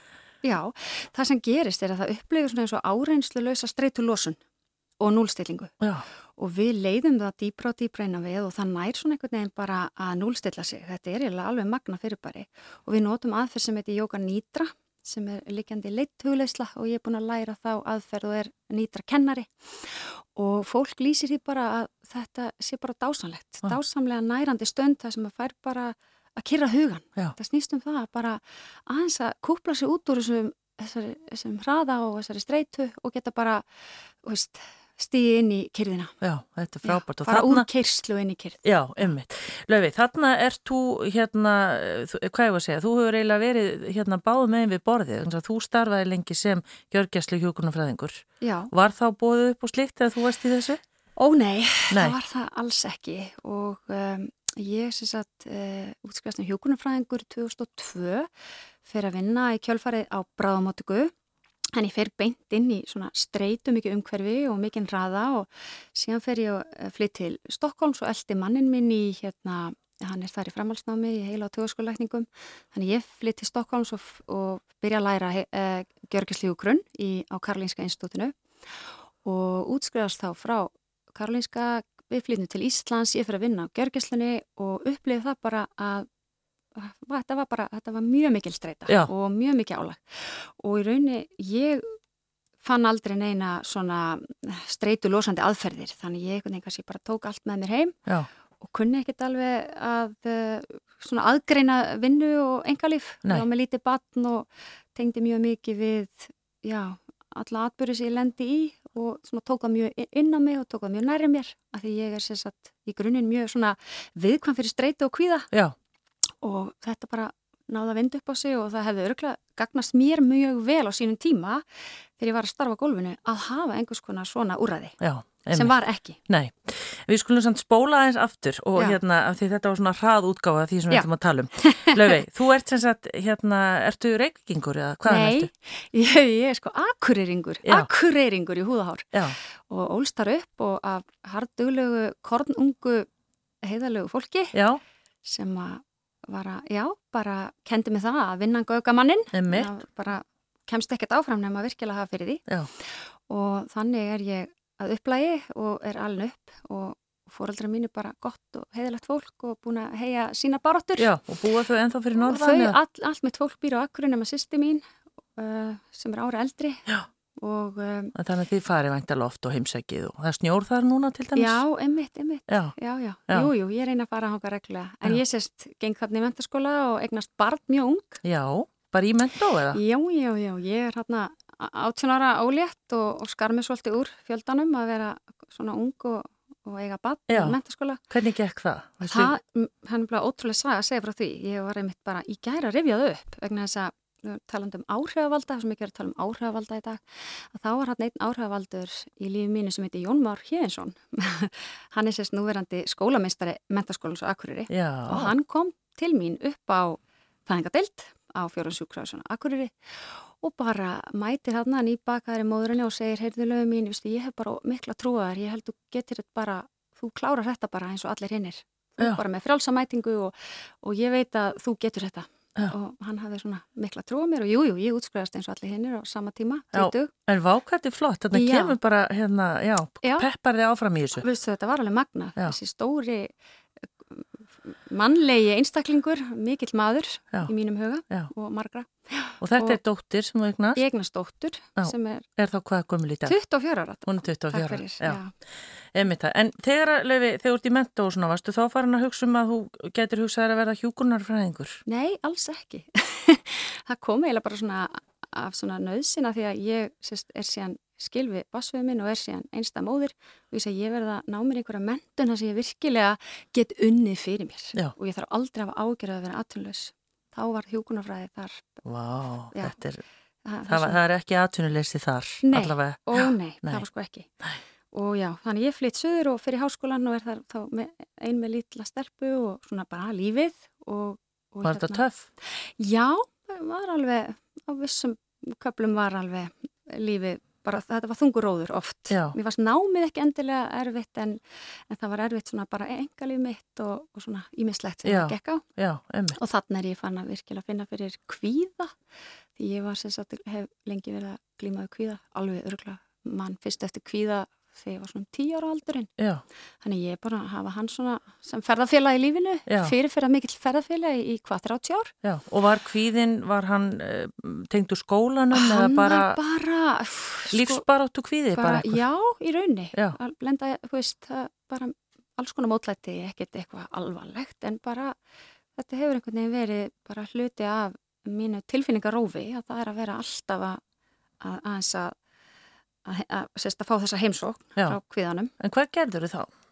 Hafandi ekki farið ég, í það nám sem þú ert með núna? Nei, ég hafði bara eða engin úrraði. Ég bara, bara harminni hljóði og bara skellt á minni skáp og faldan vel. Já. En það var svo sem ímislegt sem var að bjáta á. Ég minna ég er að gangi ennum forræðisteilu hérna bara 22-23 ára og svona ímislegt sem að bara leistist síðan úr og svona en þetta einhvern veginn situr eftir. Já, en getur þú líst fyrir okkur svona kvíða? Hvað er þetta bara hnútur í maður? Er, er bara, þú veist... Þetta er svona einhver vanmáttakent og bara svona uh, ótrúlega, sko, hann álega mismöndi byrtinga myndir og því að ég var alveg farið gegnum sko slæman kvíða og, og langarandi kvíða og ofsa kvíðakast og ímislegt en, en uh, já, þetta er bara virkilega óþægileg tilfinning Já. og þú veist hjarsláttunum fyrir fullt og maður þóttnar í mununum, þetta er ekki bara hefðbændi streyta og er svo núna kannski ég finna alveg, ég, veist, núna finn ég að ég er að mæta þetta í viðtal og ég finna alveg jú, ég finna alveg fyrir smá streytu og hún er jákvæð því hún bara, þú veist, hjálpa mér og, og drífi mig áfram og sagt, eh, vinnu með mér. En þegar streytan verður að kvíða þá er hún fann að hamla þér og draga úr þér. Já, og einhvern veginn verður maður svona pínu óttaslegin, bara get ég þetta, þóri ég þessu og, og svona lísti sér miklum óta eða líffræðslu. Þannig að flug, almáttur flugræðsla hefur verið bara eitt, já, já, ég bara tíðanbilið vildi ég ekki ferðast og það er náttúrulega skerðir ákveðin lífskeiði að, að vilja ekki já. fara til útlanda já. en, en e það er alltaf henni saga í dag já. en málega er að sko uh, ég held ég hafi ekkert almenlega verið búin að uh, átta mig á því veist, að nefna þennan ferðarfélag og, og skilgreinan og, og hann, nefna hann kvíða. Það var bara eitthvað eitthvað eitthvað veikleiki. Já, ég bara hvað er þetta, ég ætla nú bara að býta á jakslinu og berjast í gegnum þetta. Ég... alin upp af hardulegu fólki. já, maður talar ekkert um tilfinningar sínar eða maður grætur ekki. Þannig að ég grét aldrei. Nei. og Lauvi Steindósdóttir útskrifaðist sem hjógrunafræðingur allt tókst þetta. Allt tókst þetta. Og hvar fórst að vinna, fórstu stra langaði strax að fara bara í, hvað ég var að segja, mestu svona aksjónina? Já, ég virtist að leita í smá spennu. Það er alveg svo sérstaklega, svo er maður einhvern veginn ég vildi sanna mig og sína það að ég gæti tekist á við svona krefjandi aðstæður og fór beint á bráðamáttöku og Ég hef oft hugsað sko af því að þetta er ástandi núna náttúrulega ekki nógu gott á bráðamóttöku og álægið og mm -hmm. það er oft verið að tala um þessa hluti. Já. En bara að starfa þarna og svo bara Já. kemur einhver hlaupandi sjúkrabi, þú veist, maður hugsað oft hver, hvernig er þetta eiginlega að vinna þarna? Þetta er alveg, uh, þetta er alveg krefjandi starfsumkverfi og ég segja persónlega núna standandi fyrir neðan fjallið að horfa á mitt fyrirhandi samstagsfólk og bara allt fólki sem er hérna á slís og bráðmáttöku og upp á gjörgjæslu og þetta eru kundasetjur og í mínum huga mestu heitunar og ég dáist að þeim og ég, og ég er á vissu, vissu, vissu leiti á mínu ferðalagi vegna þess að ég vil hlúa að þessu fólki að ég veit hvernig er að vera á gólfinu, ég veit hvað þetta er oft krefjandi og mm. erfitt. En hvernig þegar þú svo byrjar að vinna þarna og hérna, ertu þá ennþá einstæð móðir eða? Þegar... Þarna, Já. þarna um sumarið eftir útskrift, þá kynnist ég manninu mínum. Já. Það eru rúmlega 17 ár síðan já. og það er, hérna, já, það gerist strax eftir útskrift og, og ég veit bara, nú vel ég, ég verði alveg ofsalega, ofsalega djúft ástfangin. Já, bara ástin í lífi mínu. Já, hann heitir Yngvar. Hann heitir Yngvar Hákon Ólafsson. Já, og er heila og tauga... Og hann er heila og taugaskurleiknir. Já, og... var þetta leiknirinn og hjúkunakonan? Já, akkurat, en við hittum samt bara hestamannamóti. Já, já. Þannig að þetta var ekki sjúkrásást. Nei, nei. Hann, hann bjóði elendist þarna þessum tíma. Já. En hann er já bara ástin í lífi og, og fadir tveggja dætra okkar. Já. Og, og hérna já, ég á ofsalega fallit líf með honum og slá þakklátt fyrir hennan trösta sálufélaga og lífsförunöld þó að það hefði gengið á ymsu, getur sagt þér. Einmitt. Ó já. já. En hérna, sem sagt, og svo átti hann, er það ekki? Hanna, hann... Já, hann á sem sagt eina dóttur sem já. er 19 ára og uh, já, þannig að ég er með eina 24 ára, hann á eina 19 ára og svo eru dætir okkar 13 ára og 9 ára. Vá, stórt heimili. Fjórar, fjórar dásamlegar stúlkur já. og allar einstakar hver á sinn hátt. Já. Hverju batni fylgir alltaf eitthvað sérstakt. Já, einhver, það er alltaf verkefnin. En, hérna, en Löfi, hvað gerður þú uh, verandi í þessu starfi eins og segir aðan? Þú hafðir náttúrulega ekki þessi tól og þessi tæki sem þú hefur í dag til að tæma hugan, en bara af því maður er líka að hugsa um, sko, þegar maður kemur úr svona krefendi starfi að ná að kúpla sér út og hætta að hugsa um þú veist, kannski mm -hmm. einhver dó eða Já, bara stór slis eða eitthvað Hva, hvernig vannstu út úr því? Ég meina, hvað gerði þú? Já, ég, ég kannski vann bara ekkert út úr því ég Nei. bara svona hendi sér einhvern bakboka og held áfram og, og þú veist, fólk er svo misjáft sumir hafa bara ótrúlega mikla aðlegunarhæfileika og mikil svona, mikil bjar, góð bjargráð og kannski ekkit, ekki viðkvæmt tögakerfi, við erum líka með svo misjátt tögakerfi. Ég, ég sé grunnir bara með mjög viðkvæmt tögakerfi. Ég er með sterkan líkama og ég er mjög hilsurhaust. En andlega hliði mín, hún er meira svona, uh, já, viðkvæmt. Já. Þannig að ég þar, þannig ég kannski, ég hef sagt svona eftir á, það er auðvitað að vitur eftir á. Ég kannski með með mitt tögakerfi, þá valdi ég með rángan starfsvettvang, skilu upphaflega. En eitthvað tókaði þið samt í það? Já, eitthvað eitthvað var það sem freystaði mín því ég hef líka ég, ég hef gaman á áskorunum og ég hef gaman að því að, að challengea sjálfa mig að svona, þú veist að ég vil sjá árangur og ég vil svolítið svona, svona baráttu manneska í mér Já. og mikil ástriða og, og, og ég held kannski að mér hef fundist þetta að vera svona þarna virkilega er ég að gera gagn og þarna er veikasta fólkið og mesta aksjónið og veist, ég bara kannski fylgdi ákveðinni hjörð eða veist, þannig að ég kannski var ekkit alveg að hlusta á hjarta mitt sko. ég meira bara svona einhver svona kvatvís í mér. Já. ég er svolítið kvatvís En svo farið þið sagt, eftir einhver ár hérna þá farið þið semst út og háur hann að fara í framhalsnáma Já, ég flytt til Stokkóls 2004 veldan hann að búum í Stokkólmi ég býð þar í 2,5 ár, tætt þrjú. Já, en er það ekki svona allt miklu róleira heldur ekki hér? Jú, veistu það er nefnilega alveg rétt. Já. og ég tók svo ég tók svo eftir því þegar ég flutti aftur heim hvað uh, mér fannst mikil streyta á hraði á Íslandi. Það, það er allt fyrirfram ákveðið í Svíþjóð. Þú ferði ekkert í heimsóknum með margra vekna fyrirvara búin að tilkynna komuðina uh, Er það einum of? Æ, ég var alveg fyrir þetta mér fannst þetta ótrúlega þægilegt. Já. þetta var hendað mér mjög vel. En, en bara þessu tíðanbili í lífið mínu. En svona, lífskeiða kapplöpti, Mér svona... fannst lífskeiða kapplöpi minna þarna úti, ég meina, við varum bara alltaf í lestum og þurfti ekki að eiga neitt fínan bíl eða, þú veist, bara let sér næja sína dásamlegu litlu blokkar í búð og, og þú veist, þetta, þetta er bara einhvern veginn annar, Já, aðrar áherslur Já. og ég saknaði Stokkólms lengi vel og var alltaf í startólum að flytja aftur tilbaka og ég bað mann eh, oft hérna rætt við manni minna heyrðu, nú er bara tímanpartu snúum við við, Já. förum, við áttum bara að búa í Stokkólmi ég hafa En- svona smá eftirsjá eftir fórum já, heim einmitt. En hvað hérna, varst þú að vinna úti Já. í... ég var, byrjaði á því að vinna uh, ég byrjaði náttúrulega á því að fara að taka eitt örstutt sænsku námskeið svo skellti maður bara sér djúbulöguna fekk bara, var ráðinn hann inn á hálsna verðnaskurdeild uh, framfyrir einhverja 50 aðrar því þær voru allar nýjútskrifaðar sænskar Já, en að því að ég tala ekki sænsku en að því ég var með reynslu þá fekk ég starfið þannig að mér varst þótti það ofsalega eh, kærkomið og en þó ekki á svona deild eins og varst búin að vera að vinna Nei, hér. þá fór ég á, á heil, he- heil á tugaskurdeild. Já. Nei, fyrir ekki hérna á hálsnöfu eirnaskurdeild Já. og vann þar í eitt ár og það var bara dásanlegu tími og, og mikið lífsreynsla að vinna á erlendi grundu við hjúgrunn. Já. Og svo í kjölfara því fer ég í framhalsnámi Gjörgsljógrunn Já, á já. Karlinska institutinu og það var eins árs diplomanám og þá er ég orðin ólétt. Já. Þannig ég er bara kassalótt í gegnum allt það nám. Sem þú þekki náttúrulega, hefur verið það áður.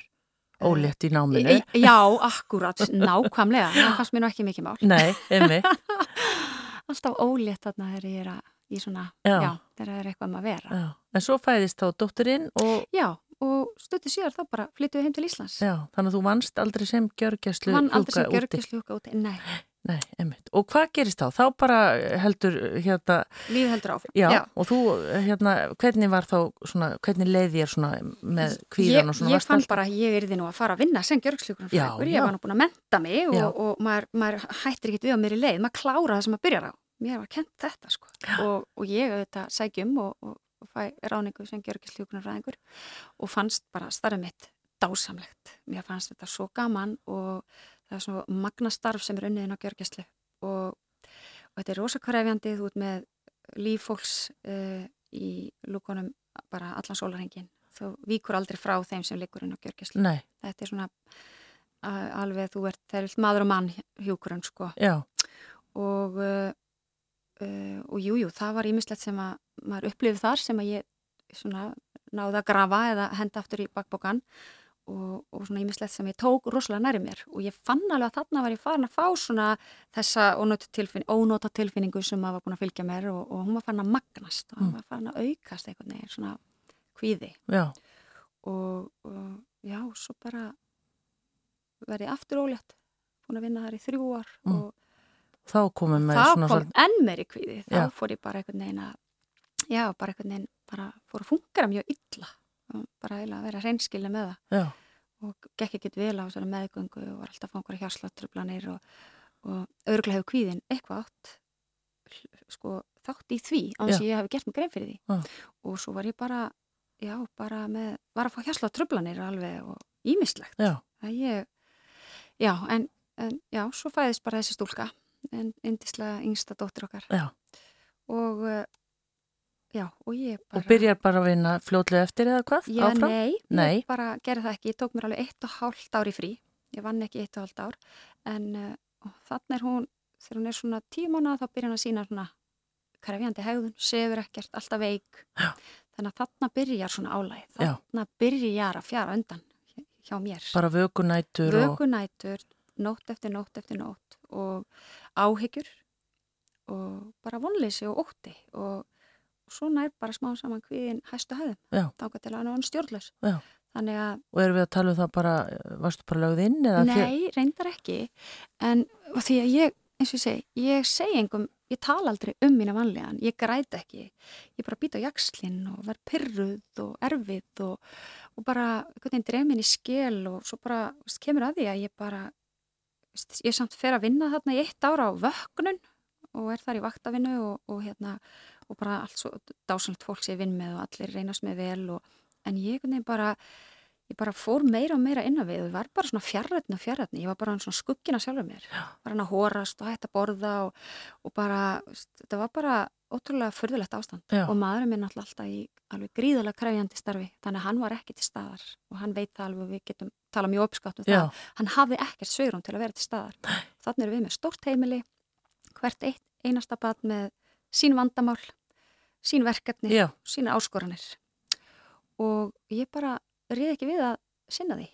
Þannig að Og hvað gerist? Svo bara er ég hérna orðin alveg örmagna og ætlum bara skilja hreinlega, þú veist, ég er bara orðin svo, uh, já, mér leið bara svo illa og hérna, og, og var ekki tilbúin að þykja neina aðstóð, þegar mér fannst ég ekkert þurfa það einhvern veginn, bara maður, maður klárar hlutina sjálfur, Já, kannski er þetta ákveðin fordómar hjá manni sjálfur, maður Einmitt. leit ekki að aðstóð, nei, þannig að endanum bara kemst ég að því hérna í janúar 2013 og ég er ólétt. Og það var bara svona puff, það var í rauninni bara svona eins og uh, botnin, þú veist. Og ég held að ég treysti nú svolítið á forsjónina. Trúi því að það hefði erið þarna einhver eins og vinkonu mín sagði, hún Arna Guðrún hæsku vinkonu mín, hún sagði, veistu, Laufi, þetta er blessun í dularkerfi. Já, vegna þess að það þurfti eitthvað svona til að stoppa mig af af því að ég hefði bara haldið ótrú áfram og þetta hefði bara endað með ósköpum af því að það voru allir farnir að í rauninni að finna fyrir þessu já, álægi sá hvernig þið leið. já bara, veist, við, við fungeruð fjölskyldna fungeruð ekkert, Nei. þetta var bara ekkert að ganga upp. Já, og auðvitað var náttúrulega bara einfaldasta leiðina að segja upp starfi sínu og hætta að vinna. Já, og það er það sem ég gerði. Og hérna, svo var engin hérsláttur og uh, ég sér ekki það ekki neitt. Þetta er bara lífið, Mhm. svona gerist og marga konur lendi þessu og, en þetta var og bera harmsinni hljóði og já, en þetta var svona á góður íslensku wake up call. algjörlega, þetta var svo mikið wake up call og þetta var bara minn botn og ég held að það hef verið þarna einhver, einhverja örlagar, örlaganordnir sem voru að spinna hennan þráð að, stoppa mig af með þessum hætti Já, eins og vinkonum ég sagði, blessun í dulargerfi blessun í Já. dula, þetta er mjög gott. Já, já. Ég, ég kýsa líta á þannig því ég vil ekki, vil ekki meina að, að, að þetta sé einhver sorgar viðburur í mínu lífi að því ég vil ekki dvelja þar Nei. skilur, ég þetta var meira wake up call í mínu lífi. Já, Laufey Steindósdóttir er gestur minn í sunnundasögum, við ætlum að fá hérna nokkrar auglýsingar og svo ætlum við að halda áfram því við ætlum að heyra, uh, eigum ekki að segja bara lífið eftir þetta sem hefur Já. aldrei breyst því hún Laufey starfar í dag við, við hérna jóka og hugleðslu hérna kennslu. En, en hérna heyrum að því hér á eftir og meðan ég er að tala þá er ég að finna hérna auglýsingar og þær koma held ég núna, þetta er, þetta er svona getur maður sko, jú, þetta koma þær. Rástfö Ronja Ræningjadóttir. Síðustu síningar eru komnar í sölu á leikhúsið.is. Ekki missa barnasíningu ársins. Þjóðleikhúsið. Dungtur dagar í rúmfattalegandum. 25% afsláttur af öllum vörum. Gildir föstudag, laugardag og sunnudag. Rúmfattalagurinn aðeins ódýrari. Hádegið er harðara á Hard Rock Café. 20% afsláttur af leit í málingu. Húsasmiðjan. Tíu ára afmælisveisla Dorma er nú í fullu fjöri. Fullt af frábærum tilbúðum núna í oktober. Komdu í dag og gerðu frábær kaup. Dorma, láttu drauminn rætast. Sófadagar í Ylva. 20 til 30% afsláttur af öllum sófum, hægindastólum og sveppsófum. Komdu í verslun okkar, skoðaðu úrvalið og fáðu ráðgjöf með valið. Ylva Korputorki. Með já.is appinu finnur þú besta verðið í íslenskum vefverslinum. Prófaði. Það borgar sig. Já er svarið. Síðasti dagur taksfrí daga FNF. Nú er taksfrí afsláttur af öllum FNF-förum í verslinum hagkaup. FNF. Vintage Pictures og Sena kynna. Já, hún segjar, ég ætla ekki að gera þetta. Það hefur bara ekki átt að koma heim sex í morgun. Þú vissir alveg að vera ættamöldags. Agnes Joy er komin í bíó. Katla Margrét Þorgesdóttir, Donna Krús, Þorsteit Backmann og Björn Hlinur Haraldsson koma saman í nýri kvikmynd eftir Silju Haugsdóttur. Kuldagallar, kattföt, hálkusalt, rúðusgöfur, hitablásarar, oljufylltir opnar, frostþólinn, rúðuvökvi og snikkers vinnufatnaður eru það heitasta núna. Og þá er nú gott að byrja í bíkó. Þarftu ekki bara aðeins að taka til í með höfstum á þér. Hætta að hugsa um þessar kettlingar. Akkur kemur ekki með okkur strákónum bara í innumhúsbólta? Þú veist, ég held að það er bara gott að því. Já, kannski. Pappahelgar, sunnudag kl. 21.25 á RÚF.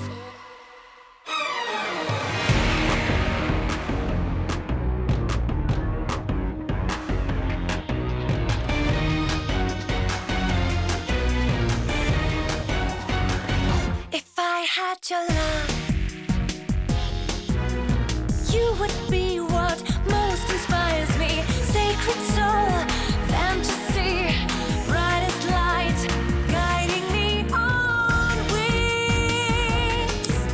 Selma Björnsdóttir að syngja fyrir okkur löfi löfi við með engan tíma til þess að hlusta á tónlist hérna svo áhugaverð sagaðín en takk fyrir að segja okkur svona á, hvað ég voru að segja, við hlupum svona yfir, yfir hérna fyrir hluta lífstíns en löfi, þú hérna segir upp vinnuninni Já. og hvaða ári er þetta? Það, þetta er 2013 og ég hugsa að þetta sé besta ákvæði sem, tekin, te sem ég hef tekið á þessum tjómpundi. þá var í rauninni ekkert annað í stöðun en bara að sér hlið og fara inn á við. Já. að bara byrja að hlúa að uh, mínu fólki. Vist, þannig ég þurfti rauninni bara að hlúa betur að dætru mínum, hreinlega. Því þar þurftu allar hver og einn á mér að halda og ég var ekki búin að uh, vera til taks, Nei. ég gæti ekki sendið maður eins í þessu ástandi sem ég var í. Nei. þannig að, og það fyrsta sem ég geri var bara að sofa. Og ég hugsa að það sé í rauninni uh, já, það er forsenda helsu, það er, veist, ef, að, þú veist, ef þú far ekki svefn þá brestur helsaðinn, það er bara þannig. Mm. og við vitum það. Og, og ég hafði sagt, já, ekki sofið þarna örglega í svona tæp þrjú ár bara, sko, við erum að tala um, ég tók, ég, tók, ég, ég skoðaði þetta, sko, tók upp, ég skráði niður hvað ég var að vakna oft á nóttunni og það var allt upp með 20 sinnum, skilur við, þú veist, þetta, þetta er mjög óæðilegt. Þannig að það tók mér bara svolítið tíma að vinda ofan af þessu neikvæða minstri, að læra bara að sofa og, og að- að vinna með kvíðan minn að ég var ekki ennþá farin að nefna hann. Vissi ennþá, það var að þarna vissi heldur enginn að ég væri með þennan Nei, ofsakvíða. mér fannst það svo ofsalega mikill veikleiki. Já, og bara ósigur eitthvað Ósigur, já, Já. hvað ég, í dag fagna ég öllum svona ósigurum að það kemur alltaf eitthvað gott úr þeim. Já, úr þeim. Já, en sem sagt ég, já, þannig að fer ég heim og sef í eitt ár og, og, og breyti ofsalega mörgu í okkar lífi.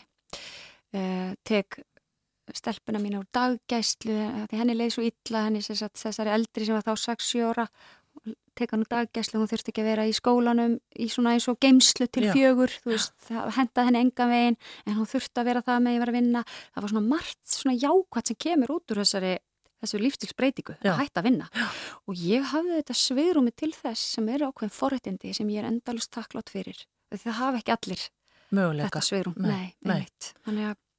Þannig að þú gast leiftir þetta gæt leift mér að hætta að vinna og vera tekjulegs á meðan á þessu tíambili, þessum erfleikum stóð Já. meðan ég var að, að vinda ofan af þessu og finna mig á ný.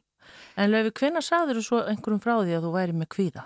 Það tók alveg nokkur ár, þú veist, þetta, eða, sérst, þetta er 2013, ég sé, segjum svo, ég svaf í eitt ár. Já, Þannig, bara svo þyrnirós. Já, alveg, og 2014 þá fer ég aftur á stað, þá er ég aftur komið eitthvað svona neista, veist, ég var náttúrulega svo buguð að mér fannst ég ekki geta að tala um sjálf mig sem hjúkunarfræðing eða já, bara vonlaus og ómöguleg og, og bara núl og nix, þú veist, ótrúlega magna hvað sko, sjálfströsti hreinu líka. Já.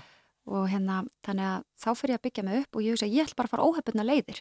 Fór ekki til læknis eða, veist ekki til sálfræðings eða, þú veist, ég bara ætla bara að gera þetta sjálf. Og ég byrja heilsumestraskólanum ótrúlega skemmtilegu tími sem ég lærið allt um svona uh, græna lífstíl ég breytti mataræðin okkar og var, fór svolítið öfgafullt inn í það ferli, ég varð vegan og, og fór að ráfæði og svo bara, veist, er þetta bara þetta er ekki alveg auðveldasta, veist, að vera á ráfæði það er svolítið svona félagslega erfitt. Já. þannig ég er aftur bara fann að borða allan mat. Bara hotlan? hotlan mat og, og, og bara reyna að passa mig á sigrinum, hann Já. er ekki hotlu fyrir okkur. Nei. en uh, já, þannig að ég og svo að stunda sjósund almáttu hvað það var dásamlegt. Það svona jarðtengdi mig því ég þarna, þegar þarna komum við sögu 2014-15, þá er ég átt að máð á því að ég er bara með svona svakalan innri óráleika og ég, ég var bara ég fann aldrei hugar á það var eins og ég væri bara taugakerfi mitt eftir þessa örmögnun. Það var á yfirsnúningi og það mátti ekki bara heyrast eitthvað eitthva hljóð eitthvað og þá var ég búin að kipast til og þú veist ég svaf ekki og ég þurfti alltaf að nota einn að tappa og þú veist það var bara svo margt sem að var einhvern veginn bara að halda mér svona í einhverju svona streytu ástandi. Mhm. þannig að ég fór að finna leiði til þess að finna hugar og, og þarna í kjölfarið 2015 þá kynist ég jóka og hugleislu og þá, er, þá loksins þá loksins gerist eitthvað. Bara svona, já, heyrðu, þetta er leiðin. Og þetta var aftur svona aha moment svona það gerist eitthvað, Já. þú veist, maður finnur það bara, bara Skráður innan þið þess. bara eitthvað námskeið eða? Ég byrjaði nú bara að æfa jóka hjá, jókasæli hjá hann Ingebjörg Stefastóttur og, og þar upplýði ég oft svona hugleislu stundir og, og, og bara, vá, þetta er eitthvað, ég verði að gera eitthvað meira með þetta, ég ætla að fara í jókanám og byrja á því að fara í jókanýtranám sem er þessi liggjandi lita hugleisla sem ég kenni út um allt og þar er- verður þessi, verður þetta svona þessi umbreyting. Já. Þannig að þegar ég fyrir að stunda jókanýtra þá verður svona eins og uh, það verður bara svona kaplaskil í lífi mínu alveg ótrúlega satt Já. og ég í loks, bara í fyrsta skipti í mörg ár, ég er að tala um mörg, mörg, mörg ár, þá fann ég hugar á og fókus. Ég fann ég hafði einbettingu og ég gæti bara svona staldra við og klára eitthvað verkefni. Já. Og ég bara, vá, hvað er þetta? Og það var sem sagt, þessi leið að, að, að, að fara í þessa liggjandi hugleyslu sem hjálpaði mér svona gríðarlega. Já. Og ég bara fór og lærði það og búin að fara í framhaldsnámi því og þetta er svo leið sem ég er sérst að innleiða inn á til dæmis landsbytalan og, og, og, og ég er búin að svolítið búa til mína eigin með ásand Rebekku, mína leið sem heiti kyrðarjóka, sem inniheldur jóka nýtra. Já, einmitt. Og það Já. er bara að leggjast allir hlið við hlið, bara læknirinn og hjúkunugunan og, bara allir. Allir, dásamlega. Og hérna, en, en hvernig, sem sagt, bara svo ég skilji þetta, þetta tæ, sko að því veit að þú hérna og þinn, Já. þið ætla hérna að vera með, þið hafa verið með saman að segja, eða hvað ég var að segja, þetta er heilin og... Heilin og hugleysla. Heilin Já. og. Og þarna nýtir, hann er náttúrulega heila og taugaskulegnir og svo kemur þú. Já. Og hvað er þið búin að finna út með Sko, heilan? Já, málið er að ég náttúrulega fer að uh, byrja að sökka mér rosalega djúft inn í þessi fræði að því ég vildi skilja hvernig, veist, það er mér svo magnað að ég skildi ná svona miklum árangri. Og ég byrja að kenna þetta og ég er með námskef í það og ég er með hóp sem heitir Kyrir okkar fyrir konur og, og það eru alveg bara sko tugi kvenna sem hafa komið til mér og sagt mér hvað þetta er að hjálpa þeim. Sérstaklega þeim sem er að upplega mikla streitu af því að jóka nýttir að hjálpa manni eins og ég sagði upphafið, þetta er svona áreinslega streitulósun og núlstilling og, og, og auðvitað maðurinn minn, hann, þetta fer ekkert fram hjá honum, árangurinn hjá mér Nei. og, og ég bara smá saman fæ hann til þess að skoða þetta með mér og hann er búin að panta bækur og lesa sér til um þetta og, og svo hefur hann bara farið að fylgja mér og haldið með mig vinnustofur þar sem við erum í rauninni veist, að breyða út þennan bóðskap vegna þess að þú veist, ég er hjúkunarfræðingur og ég finn að það er svona endalus þörf hjá manni til þess að, að, að, að, að hjálpa og hlúa að öðrum. Og það er í rauninni svolítið svona minn drivkraftur í lífinni, það er svona, þú veist, veist ég er alltaf hjúknarfræðingur, Já. þó ég starfi ekki á gólfinin og gjörgislu, þá hef ég ofsalega mikla þörf fyrir að hlúa að öðrum og sérstaklega ef ég er að finna eitthvað sem virkaði, þá finnst mér ofsalega mikilvægt að ég deili því með mínu samfélagfólki og, og yngvar bara alveg sammála mér með það að, að, að veist, þetta er bara gott og gilt, þetta er bara falleg, fallegt starf, ég meina hugleislega er ókipis og án aukaverkana, við erum ekki að selja eitt en eitt, við erum bara að sko opna hennan heim, láta fólk vita þessu úrræði, vegna þess að það er aðgengilegt og allir geta stunda hugleislu þannig að, og þetta er leið og þetta er í rauninni eins og ég segja á mínum fyrirlesturum, þá segja ég alltaf og ég legg mikla áslöða að hugleisla er í rauninni mótefni gegn streitu og hraða í okkar samfélagi. Mhm. Það er hægt að nota hugleislu sem mótefni gegn streitu og hraða í okkar samfélagi. En hvaða, hvaða áhrif hefur það eins og, hvað segir yngvar með heilan þetta að slökka á sér bara Já, í... sko, það Hva- sem, hvað það sem, gerist? Það sem gerist, eins og í þessari hugleislu sem við leiði, eða ég leiði, sem heitir Jóka Nýtra, að þá hægist á heilabilgjónum. Já. Og það eru bara vísindi og það sem, að, það sem gerist er að uh, við erum með svona dagstæla, erum við yfirleitt í uh, beta og svo fyrir við neyri alfa. Beta er svona, við, ég og þú erum núna með beta heilabilgjur og, og við erum bara veist, mjög alert, við erum vakandi og við erum að tala. Já. Svo þegar þú leggst niður og byrjar að anda hægt og djúft og allar undirbúið fyrir huglæsluna að þá ferði inn í þessa alfa heilabilgjur eða þeir eru að lappa út í náttúrunni eða þeir eru að hekla þú veist, prjóna þú veist, þetta er allt svona, svona smá huglæsla ástand þetta Já. er svona ákveðin slökun og þú ert svona aðeins farin að kyrra hugan þinn en svo er þetta að fara ennþá dýpra og það heitir þeta. Og það er svona eins og djúb slökun og, og það sem er talað um með Jóka Nýtra því Jóka Nýtra er kallað svefnhugleisla og það er talað um að við leiðum fólk dýpra og dýpra eins og við værum að fara að sofa. Já. þannig að það nánat slekkur á, slekkur á manni en þú heldur samt vakandi vitund vegna þess að þú sopnar ekki skilur, það er galdurinn við eða sem sagt það er í rauninni uh, njóka nýtra aðferðin snýst Um um, það, já. að hæja á heilabylgjunum og þú slakar á tögakerfinu sama tíma að því við gerum æfingar þar sem við erum að virkja slakandi hluta tögakerfisins sem kallast parasympatíska kerfi sem er þetta rest and digest eða þú veist bara, bara kvildin, slökunin, hæja á og við gerum æfingar sem hjálpa okkur að virkja þennan, þennan hluta tögakerfisins Mhm. og, og mér, svolítið, mér persónulega finnst gott að lýsa það þannig þegar, veist, að því að við erum alltaf að tala um streitu og við erum mörg, við skiljum alveg, þú veist, streitu kerfið og streituferli, hvað er streita. En svona á mannamáli og fyrir þá sem eru núna akkurat í brjálari streitu og finn ekki leiðuturinni þetta er svona eins og að vera á stjórnlausum bíl. Þú ert alltaf með bensíngjöfina í botni og þú bara, þú kannt ekkert að stíga á bremsuna, þú veist, það er eins og þú bara, þú ert bara alltaf á bensíngjöfinni.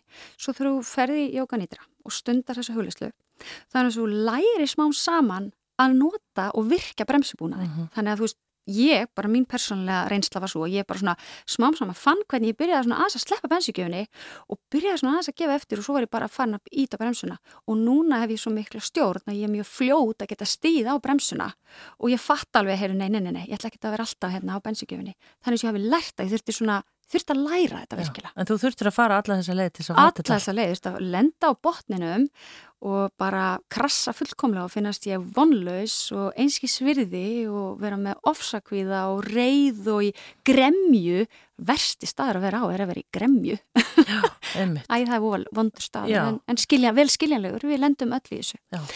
en í dag er ég á þessum stað að mér finnst bara að ég veist, ég veit að ég er að breyða út einhvern fallega bóðskap, mér finnst ég skipta máli og, og ef að saga mín getur hjálpað einhverjum þá finnst mér ekkert mál að segja hana Nei, einmitt. En, En, ég, af... ég vil ekki dvelja í henni því ég er svo komin, ég kom svo langt frá þessu. Þetta er alveg sko sex ár síðan ég lendi í þessari örmögnun. Já, einmitt. Svona En hún er samt nöðsileg uh, til sem að skilja samhengið. Já, akkurat. Já. En Laufi, hvað hérna, því ég til dæmis bara með þennan þátt hérna, það er Já. ótrúlega margir sem að maður hefur talað við í gegnum tíðina og við erum allt og mörg sem erum að glýma við e, streitu, kulnun, Já. stress og svona. Já. Hva, hvað eru við að pæla? Oh, er, sko, samfélagið okkar er alltaf líka ábyrgt, sko, við sem þjóð, samfélag. Það er náttúrulega, eins og nú hef ég samanbörinn í bjóðu Svíþjóð, það er, er rosaleg, rosaleg hraði og rosaleg krafa um afköst og árangur og að standa sig og ég meina, ég var aðna, ég verið aðna, Já. bara ég er sek. Og þú veist, börnin eru geimt í skólanum allan daginn og, og, og svo fara þau í rútu í einhverju íþróttiðkun eins og sýsti mín sagði, ég var að tala við henni á hann og hún var að segja að hún ákvaða að fara ekki, þú veist, fara sína leið. Bara, það hendar ekki mínu batni að vera í þessari hjarðhægðun að skiljiði, þú veist þannig að það er svo mikilvægt að þú finnir bara hvað henda mér og þessi hjarðhægðun er í rauninni stundum bara Já. vond Já. og, og ég gerði þá sín tíma, ég klauf mig frá hjörðinni og fór mína einleið Mhm. og, og gerði það sem hendaði mér og minni fjölskyldu og ég sé ekki eftir því Nei. og ég held bara veist, hver og einn verða að horfa í eigin barm og, og svona hugsa hvað get ég gert til þess að hæja á af því að sko það sem ég bóða er að from doing to non-doing og það er það sem að jóka nýtra snýstum að þú ert alltaf að æfa því að gera ekkert. Og það er rosalega holdt fyrir okkur að gera bara ekkert Já. og slaka á. Og, og bara setja það því það er alveg mikilvægt mikilvægur atbyrður í þinni dagskrá að eiga hérna tíma fyrir þig að gera ekkert. Bara leggist í sófan og, og stunda hugleyslu eða anda eða lesa bók, veist, bara gefa okkur hann tíma. En e það er ekki slökun að opna veist, Facebook og Instagram Nei. og liggja í sófanum því þá er hausinn þinn á fullu þú ert í rauninni alltaf að virkja hugan þegar þú ert að skoða samfélagsmiðla og, og annað slíkt, þannig að bara gera ekkert, Nei. það er galdurinn Laufi, við ætlum að enda þetta. Þú ert með hérna hljóðfærið, Já. hörpuna og að því við, það er nú sunnudag núna og klukkan, eh, hann er vant að 14 mínútur í þrjú og það er kannski einhver sem liggur bara í Já. núna eða er að keira, það var nú að passa samt að hafa hérna aðteglinu í lagi. Já. Allar að spila fyrir okkur smá þú, sem þú notar. Já. Og, og hvernig, hvað er að gera, hvar sem við erum? Sko, um, það er mjög gott Já. að koma sér þægilega fyrir. Þeir sem eru að keira, þeir verða bara að hafa augun opinn og halda áfram að fóksur á veginn. En það er gott fyrir þá sem eru heima að bara koma sér fyrir í þægilegum sófa eða, eða já, bara leggjast út af og beina aðtiklinni að andadrættinum og fylgja eftir svolítið flæði öndunarinnar því að öndunin er okkur svo ofsalega mikilvæg og það er rosalega gott fyrir okkur að, að svona markvist hæja á andadrættinum og gera öndunæfingar. Þannig að ég bara ætla að bjóða fólki að beina aðteglinni að andadrættinum og síðan að leggja við hlustir og leifa hörpunni að leiða sig inn í einhvern smá töfraheim því hún er ótrúlega magísk Já. og hún breytti lífi mínu líka Já, þessi en hvern- hörpa. En Mm. hvernig eigum við að anda? Eigum við að anda í gegnum Já, nefið? það er voru gott að anda inn í gegnum nefið, Já. bara hægt og rólega og já, stundum læti fólk telja innöndun, telur inn á fjórum og svo telur út á fjórum en það er best bara að anda. Já. Verð ekkert að hugsa um talningu, anda bara hægt og djúft. Ég er tilbúin, ég er tilbúin. Nú nær hérna Laufey Steindósdóttir í hörpuna og við ætlum að pröfa, þetta er semst jóka nýtra er það ekki, sem við erum að pröfa núna, eða hvað er þetta? Nei, þetta er tónheilun. Þetta er tónheilun. Já, jóka nýtra er þessi liggjandi leita Já, hugleisla, já. það sem ég leiði því í hugleislu ferðala. Já, þetta er Þetta er tónheilun. tónheilun Já. og það er hægt að fá allar upplýsingar um þetta jókanýtra eða mitt konsept, mitt og repliku konsept inn á www.kirðarjóka.is. Þar erum við allar Þau upplýsingar eru ekki bara að vera með tekstur á austuvelli eitthvað því þið, hérna, Jú, allir getið prófa. Hjálpa öllum að slaka Þar erum við með tvær ókipisleitar hugleislur ef fólk vil prófa heima. Já, æðislegt. Það er í bóði Inn á hverju sér, jó, kirðarjóka.is kyrðarjóka.is. Já. Laufey Steindósdóttir, takk fyrir komuna í sunnudasögur Já. og hérna rétt að segja frá því að þið eruð á þessari ráðstefnu sem er hérna eftir eh, hérna viku, er hún ekki næsta lögadag?